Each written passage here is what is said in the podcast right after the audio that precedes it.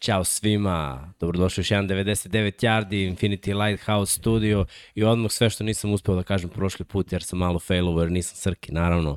Like, subscribe i dobrodošli. I šta još on kaže? Va, Mazite se, mazite bazite se. Pazite, ovo je mesec nečega, mesec proleća, daćete napolje, malo se osunčajte, nemojte budete ko ja ovako crveni i preplavan, budite ko Jimmy. Budite kao Jimmy, da, da. Vidiš ne kako idemo dobro ovim. izgleda, pa da. Da, dobro ti bojica. A, Realno, pa dobro da, još me drži boja sa ovaj, planine, ali to je samo glava. Dobro, Kad se skinem da se kupam, ono, ispod sam beo. zato je ta hipster šulja do, do grla, brate. E, nije, ide posle negde. Ovo je ono kad imaš podcast u 8, a žurke u 10. A ti, Vanja?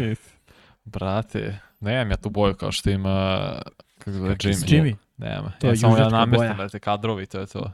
Šta Tako to je. je? Ko je to boja? južnjačka. Južni. Tačno se vidi Sadar. ko je ovdje iz AFC-a, ko je ovdje iz NFC-a. Tako je. Tako je, tako je, tako je. Dobro, kad smo kod, kod AFC-a i kod NFC-a, mislim, me- meni nekako sve deluje jednodimenzionalno, iskreno, Da. ovaj, o- ove godine.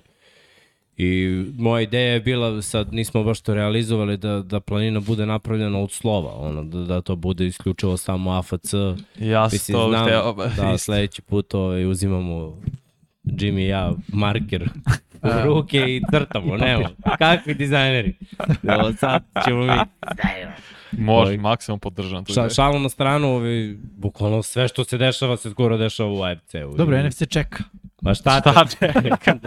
A čeka da sve ode u AFC i da onda kažu, pa brate, AFC je sve, nema šta da uzmemo, to je to. Da, E, pa, Može nešto da ode u NFC, mora sve u AFC, mora svaki Pa- hvataš u AFC, sve. Jedino što su NFC desilo, to je za Darius Smith. Koja Da. da. u Vikings. da, pa da. dobro, i on je za malo otišao u AFC, ali aj, Da. ajde da kažemo na kraju otišao u divizijskog rivala. Ove, ali, ali sve nekako se dešava i čak kad odjekne neka bomba i ona neka priča kao da je neki NFC tim kandidat da potpiše nekog, ja ne znam, više ne verujem ni u kakve priče. Da. Kao, zašta kandidat? Kao da, da tu piše da je još neko. Mislim, ima sad, ostali su do, neki dobri slobodni agenti, Veterani. Ovaj, pa ćemo pričati o tome kasnije ko je sve ostao. Ako i oni odu u AFC, onda bukvalno gasi. Motaj kablove u NFC. gasi s onim. Daj odmah da igraju Buccaneers i ne znam koji mogu da igraju. Pa Ramsey, to je to. Ramsey, da. Ovo ostalo, Nek igraju međusobno 18 puta da. do play-offa i onda ne znam nija ko je bolji nek ide u Super Bowl odmah i čeka tri nedelje. To, ćemo odmah da pucamo šta, šta se sve izdešavalo. Ma da. Mislim, šta je najveći po meni? Terry Hill, je da. Je- Smo Jeste, pričali evo. o Dešonu, sve smo to odradili. Prošli Ja smo baš ono kad smo krenuli podcast, bam, odnu vest. To se desilo tad, Tako tako, je. je. Uh, ovo je u stvari najveća vest koja, koja je bila protekle nedelje, to je da je Terry Hill radio na tome da produži ugovor sa Chiefsima, uh, nisu imali isto mišljenje, deluje mi da u jednom trenutku kako je pratio šta se dešava u free agency, Terry Hill je verovatno pomislio, ok, imam preko 1300 yardi i, i dalje sam ono pro bowler, jedan od najboljih hvatača u ligi, ako Christian Kirk vredi 18, Ja moram 25. Mislim, verovatno mislio 28, ali kad je Devonte dobio ono, oko tu, oko 26-25, onda je verovatno rekao i on 25, što mislim ima smisla. Ako Christian Kirk vredi u realnom svetu 18 miliona, Tyreek Hill vredi 25. Uh, Chiefsi sa svi- svim svojim problemima u kepu nisu mogli da daju tih 25. Uh, mislim da je Chiefsima ideja da se pojačaju all, all around, pre svega i u odbrani i u napadu. Uh, imaju neke igrače koje moraju da potpišu long term. Mislim da je fokus na ofenzivnoj liniji, jer smo već videli šta znači on imati top 3 hvatača, top 3 tight enda, top 3 quarterbacka. Ako nemaš ofenzivnu liniju, taj Džabe. napad nije, nije to. Tako da mislim da idu u tom smeru da gradi i da popune što je više moguće napad. Uh, Tyreek Hill sad kao opcija, ja mislim da, da, da je bio onako čim je zatražio taj trade uh, njegov agent i čim je dobio priliku, ja mislim da je bio primamljiva opcija za 10-15 timova odmah. Da. 10-15 timova kojima fali... bili, je tako? Da, ali Da, da. nekako na kraju verovatno zbog toga što su Chiefsi tražili otkup, otkup onako jak, kao da, da, da je kidnapovanje bilo u pitanju. o, mislim da da na ono, Jetsi i Miami. E sad, za Jetse mogu da razumem, njima treba zvezda i imaju kepa koliko hoćeš jer nemaju Da. zvezde na, na svom rosteru. Što se Miami tiče, Miami ima ono, dobri igrače, na, na sve strane imaju neki talenat. I sad kad su doveli i, i Tyrika Hilla, meni ovo delo, kao napisuje Vanja na thumbnailu, all in, na tu. Mislim, ako on ove godine ne bude imao četiri i više hiljada yardi i Miami ne uđe u playoff, ja da sam GM tražio bi novog quarterbacka. Da. Da. imaš Vadla, da imaš Tyrika Hilla, da imaš uh, Gesitskog Williams je takođe tu, Tako je. da imaš Je backfield Gesicki koji... ostao? Jeste? Da, Jeste, pa tagovanje. Da, da, da, da. O, ofanzivna linija, da, eto, taman kad smo tu kod Miami, Teron je. potpisao Da. na, na levom teklu. Conor to je, Williams isto to je, potpisao. Tako je. Znaš, Upgrade-ovi. vidiš, malo po malo, malo po malo i odbrana je krcata. Mislim, to jeste AFC težak. Vidi, njihova divizija će biti njima teška. Treba dobiti Bilse. Treba li, Treba znaš, dobiti New England treba dobiti New England, ali sad na papiru bolji su od New England. Jesu na papiru, ali koliko puta nas je papir prodao, samo ću reći Cleveland. Da, Znaš, tako da ja ne znam e, šta, kako bih rekao. Miami je dobio mega zvezdu. Jalen Waddle je zvezda u usponu. U smislu, de facto je prošle godine u drugom polovini sezone pokazao ono, zašto je bio pik prve runde. Ali u početku, znaš, nije to bilo to, ajde kažemo malo tua, nije možda talenat uh, elitni, ali s druge strane ja mislim da je ovo ono, ne, ne znam, mislim, to je kao da e, ono, kupiš tri napadača i nema kod ni daje loptu u futbalu ili ne znam šta, god, ono, imaš imaš uh, pleja koji baca lopte ili kojima koji šutiraju jedan od 20. Ono, mislim, džabe. Mislim, mislim da ovo nije pravi potez za Miami. Miami dobio Tarika Hilla, ali mislim da nije dobio ništa za sezonu 2023. To je moje mišljenje. Da. Uh, u smislu, ono, ne očekujem da će Tua sad preko noći da se preporodi, jer nije da mu je falio talent u napadu. Ovo je samo veći pritisak na njega. A videli smo da on baš kad je pritisak u pitanju nije, nije lik koga, na koga ćeš prvo dizati. Mislim, generalno quarterbackovi Alabama nisu quarterbackovi koji ćeš zabereš prve kada pričamo o pritisku i hoćeš da ih staviš u neku nezgodnu situaciju. Što se tiče Chiefsa, ja sa ovim otpuštanjem Tarika Hill oni gub, po meni dosta gube svoj identitet. Mislim, mi možemo da mislimo šta hoćemo, ali uh, Kelsey nije toliko duboka pretnja. Kelsey je onako neka... Da, pa da kažemo, mislim sad što se tiče tih zamena, oni su takođe morali da katiju Demarcusa uh, Robinsona koji Jeste. je brz takođe. Nicole Hardman uh, je tu, Jeste, ali... je, varam, to je, i to je. potpisali su Marqueza Valdeza Scantlinga koji je ono... I Juju, to smo rekli prošle nedelje. Da, da, da, Juju jasno. nije 4-3, Nije, Valdez nije, Scantling je 4-3, mislim, nije da neki ne umem drugo najbrže vreme prošle godine. Pa da, ali isto tako ima ispuštenih lopti koliko hoćeš. Ima, ima, baca da. Rodgers. Ima, ima. Ima. Sve, sve stoji, nego da kažemo da ono, ja mislim da Chiefs neće odustajati bez obzira, znaš, kod Andy Rida meni to deluje za meni ovu figuru ovom i mi i dalje igramo sve isto i Mahomes je tu glavni i Mahomes će jeste. da ih napravi Tu su- na bolje igrače. Tu si u potpunosti upravo. To nam je dokazao i pre dve godine u finalu AFC-a. Uh, je bilo finale protiv Clevelanda. Kad se Mahomes povredio... Divizijska. Da, divizijska, da. Kad se Mahomes povredio, a on ubacuje Meta Mura da radi ono što zna da radi Mahomes. Tako je. Tad je prošlo. Ali ja mislim da će ovo biti jedna vrlo onako, uh, kako se to kaže, uh, neprijatna vožnja za, za, za Chiefs u narednoj sezoni. Mislim da će biti gori start nego ove godine, recimo. Samo može neki lakši raspored ih spasi da oni, uh, pritom njihova divizija sada, krcata. Mislim, znamo već ovo. Ma čitav AFC je krcat, znaš, ne, ne znam, stvar- stvarno ne znam šta da mislim. O, dobili su dosta. Ne mogu da kažem da Jesu, nisu. Dobili Klik, su više nego Green Bay što je dobio za Davante Adams. Da. Sad sekund.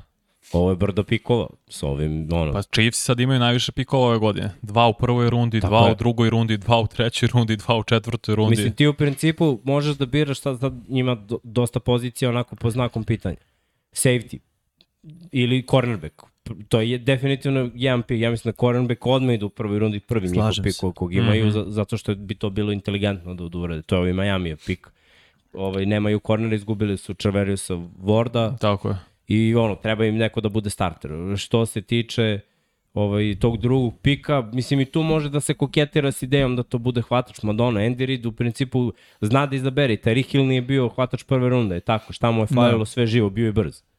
Da, Da. Ali Andy ga je stavio u situaciju. Mislim, i ovaj Nicole Harman, on ima ne- nekako zna da napravi hvatača od tih momaka. Mislim, i Kelsey nije bio ono zvezda kao došao. Tačno, tačno. Tako da ono, u, u sistemu Andy Rida ja, ja mislim da to može da se sklopi. Ovi drugi pikovi, to je onaj depth koji je dubina na svim pozicijama nepotrebna. Znači, pre potrebno čistima. Linebacker, uh, de, defensivni linija. defensivna linija, znači tu sve mora da, da, da se poradi još Draft malo. mora da bude defanzivno orijentisan sad. Ove Tako godine. je. Mora tu da se sve Zbog toga možda povrati. razumem, znaš, onako, ok, imamo Hila, sledeće godine bi bio slobodan agent i onda bi morali da mu damo pare i onda smo se u kepu ukanalili i opet idemo, vrtimo istu priču od koje smo ono, od četiri godine dva puta ušli u Super Bowl, osvojili jedan.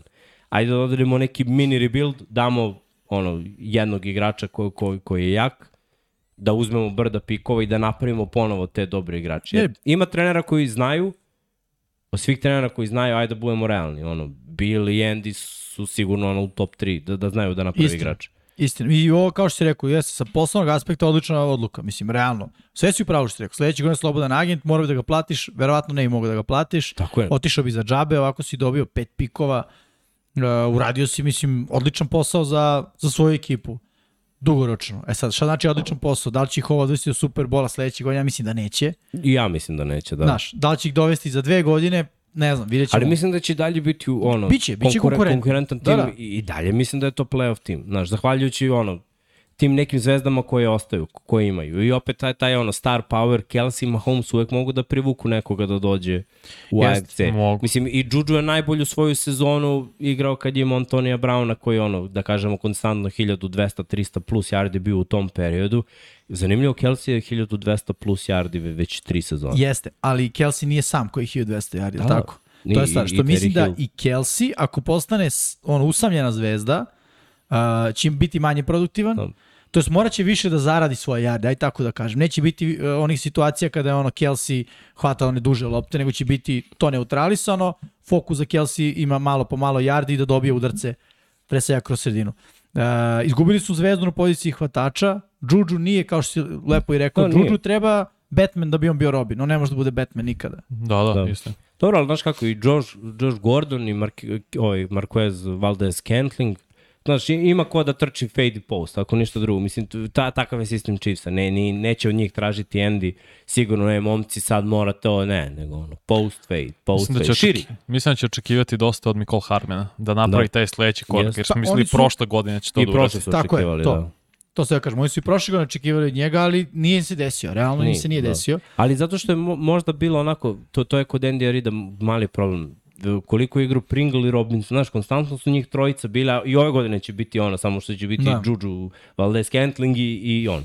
Onako, i stalno će da ih vrti u krug, ali znaš šta, s Chiefsima je uvek problem. Ako odigraš plići coverage protiv Mahomesa, A ko je sad taj koji ide duboko? Valdez Mora, Scantling. mora da, on Har- će biti primarni i Nicole Hardman. Njih Da. A znaš šta mislim da Valdez Scantling nema što ima Terry Hill? Uh, prvo, taj Dobro, timing, mnogo toga što nema. da, timing još je sa Mahomesom. da. Drugo, Terikov način trčanja ruta. On proda post, neverovatno i onda do korner. Ono, cela odbrana ispadne. Mislim, tako je uhvatio protiv Da. 49ersa u Superbolu. To ih je vratilo u život. Ovaj, e, taj osjećaj za dubinu rute, za način promene pravca, mislim da to nema Valdez Scantling. to je neko da. moje mišljenje. A, isto, Dobro, mi sad malo porodimo Jugo i Ferrari, nego ono, ga ne, mislim, dobro, nije Jugo, ali... ajde. da, nije Jugo, ali je neki Gol, punto. gol, gol, gol i Ferrari. Fiat. Da. Da. Ali nije fair, ali opet može da se preživi. Mislim, mnogi Može. timovi, znaš šta, kad daš potrebu velike pare, moraš da kompenzuješ. Moraš, moraš. I kad ti je odbrana kanta, a njihova odbrana je najveća kontu, ono, kontejner NFL-a, Jest. AFC-a naročito, moraš kompenzuješ. Mislim, ono, šta, videlo se u posljednjoj sezoni, ja mislim da oni nisu više onaj tim koji može da da 40, Pone da više, primio tako da ono kažemo, 35. Ono. Sa sad je već ono koje, ja, morate da odbranite 2-3 posjeda. Eto, daš je tako, zato što je sve veći broj ekipa koji mogu daju isto toliko pana koliko mogu oni da daju. E, baš to. Chargersi, Bengalsi, znaš, ima tu ekipa Billsi, koja mogu. Billsi, Da. čekaj i Ravensi, kad igra Lamar, daju dosta poena. Realno. u toj utakmici bilo preko 30. Znaš. E, onda sad to postaje problem. Nekada si imao, ne znam, kolce i patriote koji su mogli da sipaju toliko poena. To je to manje više. Ostalo kad neko da preko 35 i si u fazonu šta se ovde desilo. Sad dosta ima ekipa koje mogu da, da stave toliko. Cowboysi znaju da sipaju 40 poena. Da, Mo i u NFC-u ima ekipa. I u, Yes. Mislim, ima ih još u AFC. Sad sa Wilsonom ovamo. Mislim, gledaj, s Matt Ryanom i Kolci će postati malo, malo A, drugačija Da, da, da. ofanzivna ekipa. Mislim, i To je- Miami sa svojim talentima. Da. Miami je da tako low key uradio sjajan posao u free agency-u. Ofenzivna linija sad mnogo bolja, running back situacija je mnogo bolja, hvatači, unapređenje odbrana ostala maltene ista. Mike McDaniel mislim da je sjajan trener, da će onda naći način da uklopi sve o, sa ovaj talent. Naravno, tu on nema tu snagu u ruci, a baci fade konstantno. Ali te neke šeme A ne da... mora ni da baci. Da. Vidi, Ne, ne, ne mora. nije tu da, da baci Ma fade. taj Rick realno. može da ima sezonu Može da kod igra kao- Samuel. tako je. Bravo, Bravo, bravo. upravo e, sad je to. to stvar da li će znati da ga tako koristi. Znati, da li će želeti da ga tako koristi. Vidi, oni su njega dosta platili. Dibu igra na, ono, na prvom ugovoru. I onda si Tako možda radiš šta hoćeš, realno. Pa gledaj, ovog što platiš, mo- može da ga ono, trošiš. Jeste, ali ti de facto, koliko su mu dali ugovor, na? Četiri Tri- godine. Četiri godine. Znaš, Da, da. nije sigurno ideja da se u prvi povredi. Ova godina Da. plus tri. Da. Znaš, Mada dobro, ako govorimo o fizičkoj pripremi i profesionalizmu ulaska u sezonu, Terry Hill je iskreno Jeste. meni, on jeste ovako malo svoj, malo lud, ali kad pogledaš njegove treninge i način na koji se priprema još od srednje škole i koleđa, mislim, s obzirom da je bio atletičar, jako dobro zna da svoje telo spremi i svoje mm. telo da čuva. Njegove povrede uglavnom su bile ono, za- zadnja loža i, i to... A to jeste sprinterska povreda. Tako je. I, ali redko kad. Pazi, njegova zadnja loža i za dve nedelje se vrati. Dobro, Znaš, tačno, da. I, zato što on, ono, načne zadnje lože odmah zna, ok, moram da, da, da spustim gas i to i seća se to na je jednom... On i kad spusti gas i dalje brzo. tako je. E, to, on spusti gas, to je 4-5. Pazi dubinu Miami. Tua na quarterbacku, Chase Edmonds, Raheem Mostert, Miles Gaskin, Salon Hamed, četiri running backa, Tariq Hill, Cedric Wilson, Jalen Waddle, Preston Williams, Devante Parker. Pet. Sad se priča da bi Parker mogao da ide. Parker će da ide. Da, da. Nema, Neko, nema i za ne, njega I nek mesta, ide. To je priča kao, znam da zato što se Fila spominjala kao a pa potencijalno. ima i ono, Gesicki tu, Teron Armstead, Williams, Dajter, Hunt, a Austin Jackson isto pik prve runde ili druge, čini se na posljednji desnog tekla napad, baš sad ima dubinu na Vidi, svakoj znaš šta bi poziciji. oni po meni trebalo na draftu da urede? Ono što je Miksa uh, rekao, stvari Miami, kakav je sa Miami? Ali ima Pa pika ne, prve runde uopšte? Nema, Samo nema, nema ni prvu Ne. ni drugu. Ni, da. Ni drugu? Da. Nema, da, mislim da tek u trećoj ima. Ali dobro, ovo ti je all-in, mislim. All in. Dobro, ako daju Devonte Parkera, neće dobiti prvu rundu. Dobit- dobit će treću. Drugu ili treću. Treću, Treću. Pa realno treći. Ne mogu da Mislim, znaš dobiti zašto? Zato što povređen je svake godine. Da. Pa i znaš da moraju da ga daju. Ja mislim I da jednom imao cenu. hiljadu yardi. Možda greši, možda nije imao ni jednom. Ali jednom imao kao dobru Jeste, sezonu. jednom imao, da, da. I to je jedna I, jedina. I to je bilo solidno davno. A on igra 7 godina. Da, to sam da kažem, možda pre 7 godina četiri jedna godine ima sezona. tako Mislim, sezonu. gledaj, što, možda smo mi ovde velikodušni s trećom rundom. Možda je ono kao Da, i peta runda da i Imao je, pre, imao je pre dve godine, 2019. zapravo 1200 yardi. I to je jedina, je tako? Da, da, da, imao to je jedina. 700 i To je no, jedino. tu je Zato što je uglavnom povređen.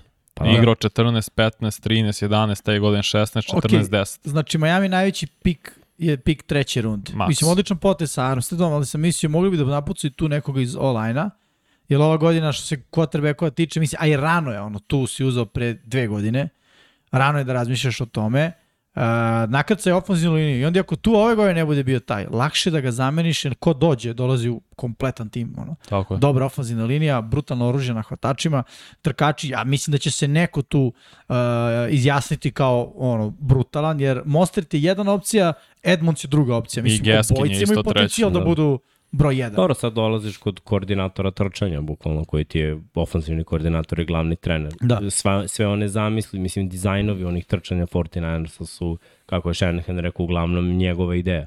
Tako da ta kreativnost, pulovi i sve to što ima, korišćenje hvatača ka, kao distrakcije, to, to su sve stvari E, ko, koje će on verovatno da, da prenese u Miami. Mislim, to mu je njegov stil. Šta neće imati? Taj tenda koji blokira. Kao što su imali u 49ersima. E, pa to ćemo tek da, mislim, gledaj, prvog taj da da, upravo si, neće imati, ali, znaš, Da, da, ne, bi me, ne bi me čudilo da, da, ono, nađu nekog slobodnog agenta koji je, ono, dobar bloker. To, dobar bloker na taj tendu, evo, daću primjer, u Baltimore igra ovaj momak Tomlinsu, kada se povredio Boyle. Znači, dečko je imao jedno hvatanje u sezoni. Ali sve ostalo radi odlično. Ali gledaj, brutalan blok. I to je to, to je drvo i znaš od njega da, da hvatati neće. Albu razde rešava od situacije kada treba da se blokira. Bio je starter, razumiješ? Da, da. Zamislim, starter cele godine, znači imaš 50 snapova po utakmici, jedno hvatanje za sezonu. dobro, Gesicki je realno top 10 taj taj. Ne, Da, ne, da. jeste, ali hvatač. Hvatačka je, da, da, da. Znaš, on, njega staviš još naj, znači, ono, posle tekla, taj Pa možda ten bude kao si, ovo. sigurna opcija za tu. Pričam sad o njihovom treneru, znači on iz uh, ono, uh, sistema Kittle Jušček dolaziš u niko. Nisi, ne, ne, ne predstavljam se to kao, ne znam, problem, ne znam koji. Uh, I vrlo verujem u, u, u, u, taj razvoj situacije da će pokupiti nekog tight enda koji je dobar bloker. Jer očigledno je to njegov sistem. I vrlo moguće sve ovo što ti rekao. Samo ne, ne vidim Tajrika, pre vidim tu Vedla kao tog Da, lika pa koji će da se koristi kao Dibo. vrlo je, vrlo je zeznuto za protivničke ekipe, što imaš dva returnera Da. u, u jednoj ekipi kao prve dve hvatačke opcije. To, to je ono, ne znaš šta da očekuješ. Ovamo Ayuki, Dibo, znaš, Ayuki isto svestran, može da uradi svašta, jeste. ali ovo su dva, dva ludaka. Znaš, I za tu lokaciju lopte, te, te tujne levoruke balone, znaš, ako neko može da locira, to su ovi punt returneri. Jeste. Tako da ono, izašli su mu u susret. Mislim da, da uvijek je najbolje za kvotrbe kako je ono, nije precizan 100%, koji ima malo drugačiji izbače punt return, on najbolje lociraju loptu ubedljivo. Kogod, evo vi, Cooper Cup, uh, Terry Hill, znaš, Antonio njih- Brown, Antonio Brown, znaš, kad njih gledam kako Mhm. traže loptu, Drugačije, da. Dru- pazi, Julian Edelman koliko ludačkih hvatanja Da, da. ima u svojoj karijeri. Ba, ba, baš je to ovaj, Pa dobar vidi, potez Wes Miami. Welker, I velike. Da. realno, isto punt returner, ono koji je postao hvatač. Postao, mislim. Svi returneri su, su uh, Lockett, Mm, punt returner. jeste, jeste, jeste. Dobro, Okej. to, to nam je prvi, prvo što, što Da. se ovaj, Drugi blockbuster, ne znam da li imamo, imamo grafikovanja. Ko je drugi za Matt Ryana? Da. Pa nema, nema mi Nema je veze. bio neki blockbuster. Dobro, to smo, Pa ne, dobro, to, to je bilo smo polu najavili. na- za kolce, ovo je lifesaver. Ovo smo pričali Ovo prošle je nedelje. davljenik Da, da. koji se potopio, ceo jednom neko baca Da. pojas. Šta smo, Veruj pri, šta smo pričali prošle nedelje? Baker ili Metran. I delovalo nam je ono kao realno, kolci su kompletna ekipa i nije fair prema eki- ovim igračima koji su tu, koji su bili na utakmicu od play-offa da im kažeš rookie quarterback. I ono kao izblejti još dve, tri sezone, ono Ili van Baker play-off. Mayfield. Ili Baker, Mislim, dobro, da. ajde, Baker bih možda i uveo u play-off bolja opcija, Mislim da opcija bi bio Carson što- Wentz projekat da je došao Baker Mayfield. u pravu si, ali opet i to je bolje od ovog što imaju trenutno. Znaš, ono, ovo što je trenutno Je ništa. je četiri pobjede maks u, u sezoni. I to unutar divizije nešto, na, na sreću. Ovako dolazi Matt Ryan koji od MVP sezone pa nije bio na, ono, na vrhunskom nivou, Ali dobar. Ali je Matt Ryan pouzdan. Matt Ryan je neko ko, ako ga okruži, staviš ga u dobru situaciju da ima vremena, to je prvo. A imaće vremena. Znači, Matt Ryan, Mhm. uh -huh. highlightovi prethodne sezone su Matt Ryan pase travu, bukvalno. Ofanzivna linija godinama nije A samo, dobra. to da kaže, ne samo prošle sezone, no Dobro. godinama unazad, realno. trčanje je puklo bukvalno od trenutka kad je Shanahan otišao. I onda je sve bilo Matt Ryan show i taj show naravno nije ih doveo nigde. Prošle godine, iskreno ja ne mogu kažem ništa loše za, za Atlantu. I ono, Matt Ryan kad ima vremena, taj play action pali, kolci su heavy run ekipa, znači da. ćeš bolje play action na, na prvom downu nego u kolcima, da je online brutalan sa brutalnim running backom. Znači da kažeš da kombinacija online i, i running back da je to top 3 u ligi. Jeste. I dodaš tu Meta Ryan. Znači, on mora da ima sezonu kao Philip Rivers, Bolje, ja mislim. ako ne i bolje, jer ja mislim da Meta Ryan što se jačine ruke tiče, ima malo više trenutno u sebi nego Rivers. Rivers Tako je došao tu da odigra godinu. Poslednju godinu to je to. Matt Ryan može da odigra 2-3 godine Slažem se. na visokom nivou. Pazi, ja mislim da je to Koliko bi kolci uradili ono što nisu uradili, ušli u play-off, pobedili u play-offu, što nisu radili prošle godine, ušli u play-off, pre dve godine pobedili u play-offu, mislim da bi to ono, mislim, ako to ne bi uradili, to je bio promašaj. Ja stvarno njih sada vidim kao ekipu koja će ući u play-off, njihova divizija i dalje nije ništa posebno, ono, Titansi će tu biti jedini kao ekipa koja treba da se pobedi. Da, Titansi mi sad više, kad je Matt Ryan došao, nisu ono brojan. Nisu, favorit. nisu, nisu. Sad mi ono, ako vagam Tenehila i. Rana, pa ne znam, malo mi je bolji Ryan. Dobro je i po Bolje mi je. tenis se pojače, mislim, i Austin Hooper i Woods, Jeste, znaš, jeste. bolje je napad meni sad tenis je nego prošle godine. Jeste. Neko mi Jeste, delo ali, eksplozivnije. ali, Ali je je boljka Tannehill. ista. Koja ti je bila boljka napada Tennessee prošle godine? Ryan Tannehill, I da. dalje je ista boljka, boljka tu, razumeš? A koja je bila boljka kolca prošle godine? Carson Wentz, e ta boljka ne postoji. Da. Znaš, e, to je velika razlika Jel, sad. uh, ovaj, Matt Ryan malo bolje od Tannehill. Ne, u, ne bih. Pa, znaš kako? Meni je dosta bolji od Me, Tennessee. Matt. Ryan, u svoj, ajde uzmemo čitavu karijeru. Ne, ne, uzmem prošlu godinu, za čitavu karijeru je mnogo bolje, mnogo, mnogo I- bolji Matt Ryan. Mogu ovako da kažem, Tenehill je u Majamiju imao je ono jednu dobru sezonu, možda dve. Da, Sad mi možemo Adam kažemo on u Majamiju kao nije imao ok igrači, ovo ono, ne znam, pogledaš hvatače, Jarvis Land je grmeo tih godina kad je on igrao Trener tamo. je bio tu čudak. E sad, Matt Ryan je isto krenuo kad je Atlanta baš bila rupa ekipa, pa ih je doveo, ok, imao je dobre trenere.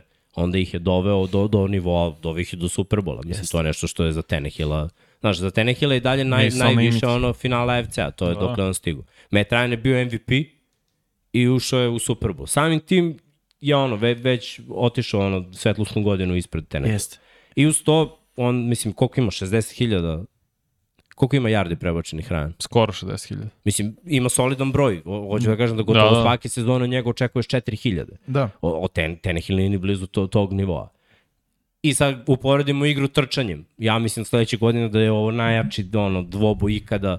Unutar divizije dva beka ko, koji mogu da imaju 1800 yardi. Znaš, sve mi je copy-paste. Jake odbrane, agresivne odbrane, jaka defanzivna linija, dobra ofanzivna linija, igra trčanjem i quarterback. Bolje je Metran. Mislim, Bolje, ja, bolje. ja kažem Bolji, da, da, je okej, okay, slažem ja kažem ukupno kad gledaš karijeru jednog i drugog, mislim da Tannehill nikada neće biti na nivou Meta Ryana. Ne, naravno. Znaš, znači nema ako uzmemo pik Meta Ryana, Tannehill je to daleko. Ja ne, ne mrzim uh, Tannehilla, meni je Tannehill jako, da kažem, simpatičan i okej mi je, kao quarterback, pronašao se u Titansima, sve je to u redu, nije elitni, definitivno, ali za Meta Ryana bilo je moment u njegovoj karijeri kad si mogao da kažeš da je elitni quarterback. I ukupno ako pogledaš njegovu karijeru, on je uvek bio konkurentan. Njegova ekipa nije pre dve godine, tri. Ali me, ono, znaš da ima i Meta Ryana i znaš da mogu da, ono, znaš, da urade nešto. Problem jeste bila ofenzivna linija u Atlanti, previše je bio sekovan, previše je bio udaran, Uh, pritom on ono nije dečkić od 25 godina, nije Trevor Lawrence koji je tek došao u NFL, pa kao ide malo će ga izlupati prve godine, pa će stvari da se poboljšaju. Tako da je i njemu ovo, ja mislim, mislim da je ovo win-win situacija ko, i za kolce i za Meta Ryana. Tako mislim da i Matt Ryan takođe može da razvije neke od ovih mladih hvatača bolje nego, nego bila, bilo koja druga opcija koja je bila ovaj, ove godine kao izbor, jer, Definitivno. znaš, gledaš Carson Wentz, ok, Carson Wentz će davati šanse svojim igračima, ali, znaš, lopte koje stavlja da Matt. Ryan, stavlja ih, mislim, Calvin Ridley bi, mo, znaš, u drugim ekipama možda ne bi tako procvetao brzo, kao ni Pitts, kao, na, kao ni Julio, mislim, i, i taj Julio je bio vrhunski hvatač, ali ispovređivan često, ali gotovo svake godine 1000 yardi, E, imao i on Matt 1800. Ryan je s te strane vrlo pouzdan. On je samo tri utakmice propustio u karijeri. Da, to, to, to, To hoću da kažem, koji. Rivers. Znaš, to, to Da. je neke stvari koje, ko, koji su kolci, ove, koji su mučile kolce. Peyton Manning, gotovo uvek na terenu, povredio je vrat, došao Andrew Luck, tu na terenu povređen, povuko se, pa muke, pa nađi, pa Brissett, pa ne valja, pa Rivers, odigrao celu sezonu playoff, pa došao Vance, pa ono, jedan skočni zglob, drugi skočni zglob, pa ovo, pa ono, pa G, pa D. Znaš, mi, mislim da, da je ovo u stvari nekog ovakav potrebek treba kolcima. Koliko godina ima Matt Ryan, Vanja? Mislim da ima 30. 36, Da. sigurno. A Sad ću dobro, da vidim. tu. Mislim, on u ovom sistemu NFL u pravo ste miksa, dve, tri godine bi realno mogo da igra. On će imati motiv da igra po meni u novoj sredini, samo koliko kolci budu bili konkurentna ekipa, trebalo bi da A budu. njihova divizija, znaš kako je, njihova divizija 37. mu- im daje četiri utakmice, ono, Da, izvolite. dva put uh, Jacksonville, dva put Texansi, mislim, možda nije baš ono izvolte, ali ono, uporedi ceo AFC, uporedi zapad, nema lake tekme, uporedi Da, da, da. tebe, znaš, tu, tu je klanje, a ovde imaćeš, znaš, dve utakmice koje će ti biti malo lakše, mislim, stvatit ćeš i ti ozbiljno i sve to za Meta Ryana, znaš, ono, Slažem se. Čini mi se da se Metu Ryanu ne može desiti da ga dobiju Jaguarsi u ovim kolcima. To mi se čini. Mm -hmm. Ovo je bold statement s obzirom da koliko, šest godina Tako kolci je. nisu no. dobili u Jacksonville, što je vrlo ono, neverovali ili da ovaj, eh, statistički podatak. Uh, ali u svakom slučaju, ono, mislim da će ovo biti odlično i mislim da su ovi kolci, ono, bam, odmah skočili gore što se tiče njihovih šansi za... Gde, gde su skočili? Koji su sad oni u AFC? E, pa ne gledaj, znam, bore ćemo se, znaš kako, ali Znaš. bore se, bore se za prvo mesto u svojoj diviziji Jest. odmah. Jer Tennessee, ih- dok To, okej. Ryan nije došao, oni su bili drugi u diviziji. Sad trenutno mogu da budu i prvi u Jest. diviziji. Znači sad su, trenutno mogu biti i četvrti u celom AFC-u. Da. Mhm. Po plasmanu. Po Sad mi plasmanu, power da, ranking da. ne računamo tako, Tako ali je. da kažeš da, da ono, Kapiram. ako si u play-offu, onda si top 10, mislim, Da, nema šta. u AFC-u. A šta ćemo sa Atlantom? Koji stvarno E, pa, pa pazi, meni, baš izgleda loše. meni je ovo najsmešnije sada, zato što gledat ćemo Mariotu i Winstona, ono, pika 1 i 2 u istoj diviziji. Za Mariota je potpisao Da, da. za Atlanta Falcons, a James Winston za New Orleans Saints. Tako da ono, to, to će sad biti ono, pokušaj njihov da ostanu starteri, to, to smo ovaj pričali juče u podcastu koliko je sada situacija u NFL-u smešna da, da više ne znaš ko je starter, ko nije i ovo su ono posljednji trzaj, znaš. Nekih igrača, da. Winston da bude starter, Teddy Abija smo videli prošle godine, mislim da je ovo njegov bio On je sad posljednji trzaj. backup u Miami. Tako je, ali ono je bio posljednji trzaj da bude starter. Da, da, I posle Jeste. toga on više nikad, ja mislim, Večiti neće biti backup. starter. Sam Donald više nikad neće biti starter. Tako je. Postaje večiti backup. Winston i, ima, znači prošle Ima, godine imao ima. šansu, povredio se, ali kako, taj, tih 5-2 kako je igrao, dali su mu šansu da. da, i dalje bude. Mariota, posljednja šansa je ovo sada. Jeste, jeste. Trubiski, posljednja šansa sada Tako je. u Pittsburghu. Baker Mayfield, sledeći tim, posljednja god, šansa. da, da. To je to. Znači, ovo je za njih Carson Wentz, poslednja, poslednja, poslednja da, da, nema, šansa. to je to. Znači, bio si u Fili, nije ti valjalo, bio si u kolcima, nije ti valjalo, sad si u Washingtonu. Druže, ako ti ne valjaju tri tima, verovatno nešto Da. da. kod tebe ne valja. Pritom i gradac je čudna. Ono, Fila koja je osvojila Super Bowl, pa je bila tu negde. Kolci koji su realno imali mnogo više šanse nego Fila kad je on bio u Fili. I onda sad realno ideš u Washington koji je on s konja na magarca. Tako je. Pa Mislim, dobro. manje šanse ima, realno. Washington ima najmanje, najmanje, ima manje šanse da bude šampion svoje divizije nego kolci. Gde, gde je Vance bio. Tako je. Ajde sad ne pričamo o Vencu, o celoj toj situaciji. A, šta je dobra stvar za Markusa Mariotu konkretno? Arthur Smith. Ja Da. njega jako Mhm. cijenim, stvarno. Još iz vremena Titansa. Prvo, Vrabel nam je pokazao da je od Beličeka pokupio nije, neki ljudi su me kritikovali prošle godine, nikad nije bio u Beličekovom coaching staffu. Nema veze, ali od njega učio. Znači, Vrabel je Mm, kao igrač učio od Učednik E, Stabena, mislim.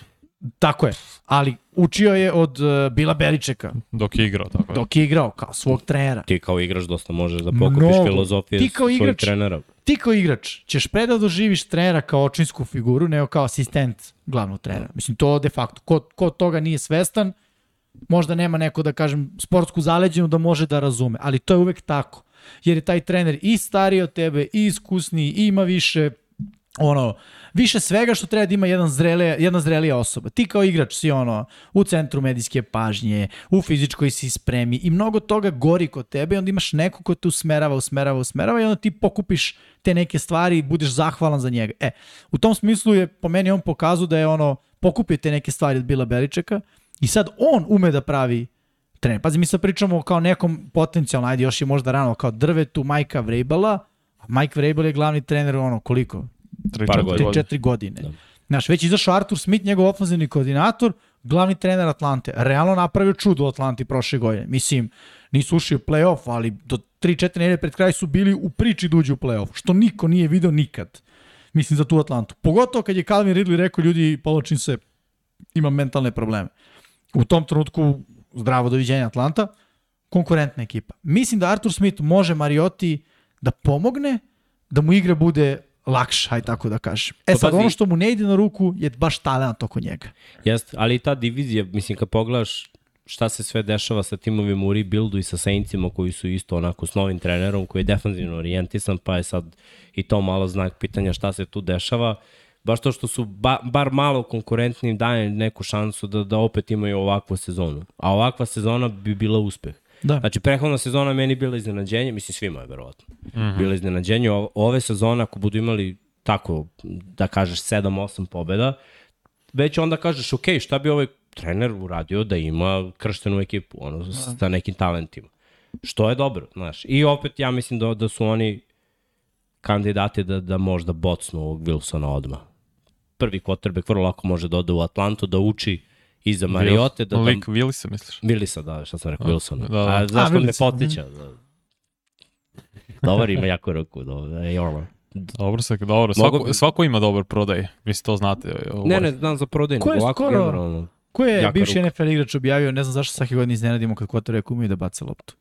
Kao ljudi, Da. to je upravo ono što oni rade. Realno je upravo, je. to je kao prodeko, Mislim da je to je neki trenutni 50 igrač. yardi. Mislim da je to neki trenutni, Trenutni? igrač. Da, da, mislim da je trenutni. Neki. Neko je to tweetao, nije ni bitno uglavnom, ali jeste malo kad pogledaš ono kao bacio loptu 50 yardi, mislim, okej, ono, Drew Brees bez ramena je mogao da baci 40, brate. Da, da. U ne, 37 znaš kako, godini. mene, mene ovo duševi kad ide to preko 70, jer to je, jeste, to je jeste. već nešto što, znaš, ako može 70, ko prošle godine kad je Fields, znaš, iz u levo, bacio 70 Jeste, yardi. Jeste. ali budi realno, koliko mu je to značilo u ovoj sezoni? Apsolutno ništa. Pa gledaj, imao je malo negija sa ovim, ono, Dalton fazonom u nekoliko utakmica, ali i dalje tvrdim da je igrao sve utakmice Fields, Chicago bi imao bolji skor, a Chicago uopšte nije imao loš skor na kraju. Slažem se, ali uh, hoću da kažem ono, da li Chicago bio deep threat ekipa? Realno nije. Pa, Bili su da, ekipa da. bez jasnog identiteta u Zato što je ono, znaš, opet Negi Da, da, isključio Robinsona i kao Darnell Mooney i sam, mislim, od dečko, ono, tek Da. treba da stasa. Da. Mislim, bio je okej okay, statistički, ali ono, Ja ja mislim, Negi odlučio da ih ono upropasti to, to Da. mislim svaka čast čoveku ako mu je to bio cilj. Uspeo. ne, znam, ja mislim je. da će pred izabere nekog ono, najbolji igrač koji ti trenutno po sledeće godine gađa quarterback. Vidi s Mariotom, ono, izdrži jednu godinu. Ali, ali izdrži, samo izdrži. Ba, bukvalno, Mislim da, izdrži i onda posle sledeće godine bira i quarterback. Da, svog. mislim i kad se Tom povuče, ta divizija se još više otvara. Pa, da. Mislim i Karolina traži quarterback i, znaš, ovo će biti Jeste. divizija koja za godinu dana ono, moli i traži svuda. A bukvalno quarterback mogu tri kamera. tima da imaju nova mislite? quarterbackove. da li Baker Mayfield može da ode u Karolinu? Pa Baker Mayfield, znaš kako, Ka Karolina je ekipa ko, koja od svog nastajanja nije imala quarterbacka, pa da kažeš Eddie Cam je bio najpribližnije toj super zvezdi, ali on nije ispunio očekivanja. Znaš, Cam kada je došao u NFL, ok, prva sezona, pa se onda malo mučio, nisu bili konstantno u play-offu, baš se dugo čekalo do te Super Bowl sezone. Naprimer, on je došao kad je već imao Steve'a Smitha koji je jedne godine predvodio 2011. ligu u svemu. Imao je i Znaš, D'Angelo Williams u backfieldu i Smith bio, Stewarta. bio pro bowler, ubijao čoveka, mislim Steve Smith je Hall of Fame. Znači, iz godine u godinu videlo se ono da Steve Smith hoće da pobeđuje, a Cam ono kao polako Ali dobro, si- Cam je u četvrtoj godini došao do Superbola. Ili treće. Četvrte ili Ne, treće. kasnije, kad su tradeovali Steve. Nije, ali ček, ček, ček. 2011. je draftovan Cam. Super Bowl Pet- bio 2015. 15. na 16. Siguran? Ili... Da, da, da, da. Pre, to je bila sezona Pa četvrta onda njegova. Mislim da je onda četvrte. Da. Znaš. Četvrta, Znaš kad- peta, tako nešto. Ta, ta, ta, Da, mislim da, to da, je Super Bowl 50 bio. da. Ja mislim da, da, da, ja mislim da je tad. Znači, pre naše sezone, moje poslednje, verovatno, to, to je to, 16. Da, sad Ajde, pogledaj, ja mislim da je 15. na 16. A, ja, ja. ubeđen sam da, da, da je to. Lagano. I, ali gledaj, od toga ide Kemov stromoglavi pad. Isto. I ti, znaš, od tog vrhunskog kotrbeka draftovanog ono, u prvoj rundi kao prvog pika, šta si dobio zapravo? Dobio si ono, pet sezona. To je 2000, sezon 2015. Ne, 15 Na na 16, 16, da. to, to. Znači zapravo peta njegova sezona. Da. Znači, ono, nisi dobio mnogo. I pre toga si imao Deloma, posle Kema si imao probleme, uglavnom, i, i pokušavao si neke eksperimente. Znači, ta Karolina nikad nije doživjela da ima jednog elitnog quarterback. Ali neće ga imati ni ove godine. Saintsi su bar imali, znaš, ajde da kažeš, Manninga koji je ono bio neka uvertira, Archie Manning, pa posle Drew Brees koji je ono zacementirao se Da. da. čovjek, mm. first ballot Hall of Fame. Tako je. Uh, Tampa, uvek može da se pohvali time da je bio Brady došao prve godine u svoju Super Bowl. Ćao. Atlanta, mislim Michael Vick je uradio, Michael Vick ono, bio znaš- zvezda. bre. bio je baš zvezda. Mislim, Michael Vick je tu negde kao Cam Newton, a imali su i Meta Ryana koji ih je doveo Da. do, do Superbola. Tako da, mislim da je Karolina ona ekipa koja toliko se pati sad, znaš, za njih da izaberu nekog tek da bi izabrali, da imaju kvote. Baker Mayfield je još samo jedan onda u nizu promašaja. Da, da, da, slažem se. Ja mislim da oni pucaju da, da bude, ja mislim da, da, da su oni trebali da idu jako za Dešona Watsona, da je to u Pa stvari išli bilo- su, ali Dešon je rekao ne. Pa da, Karolin. pa verovatno. Tako da, Tako da moraju da traže tako, takvog nekog quarterbacka. Ili da na draftu bodu ono Joe Burrow fazon. Znaš da, da se pojavi neki quarterback na draftu i da oni daju... ali to nije ova godina, on to je kao Atlanta mora Pa kažem, sledeću čekaj. godinu. po meni oni mogu da potpišu Bakera i zbog toga što Matt Rule dolazi sa ono, koleđa.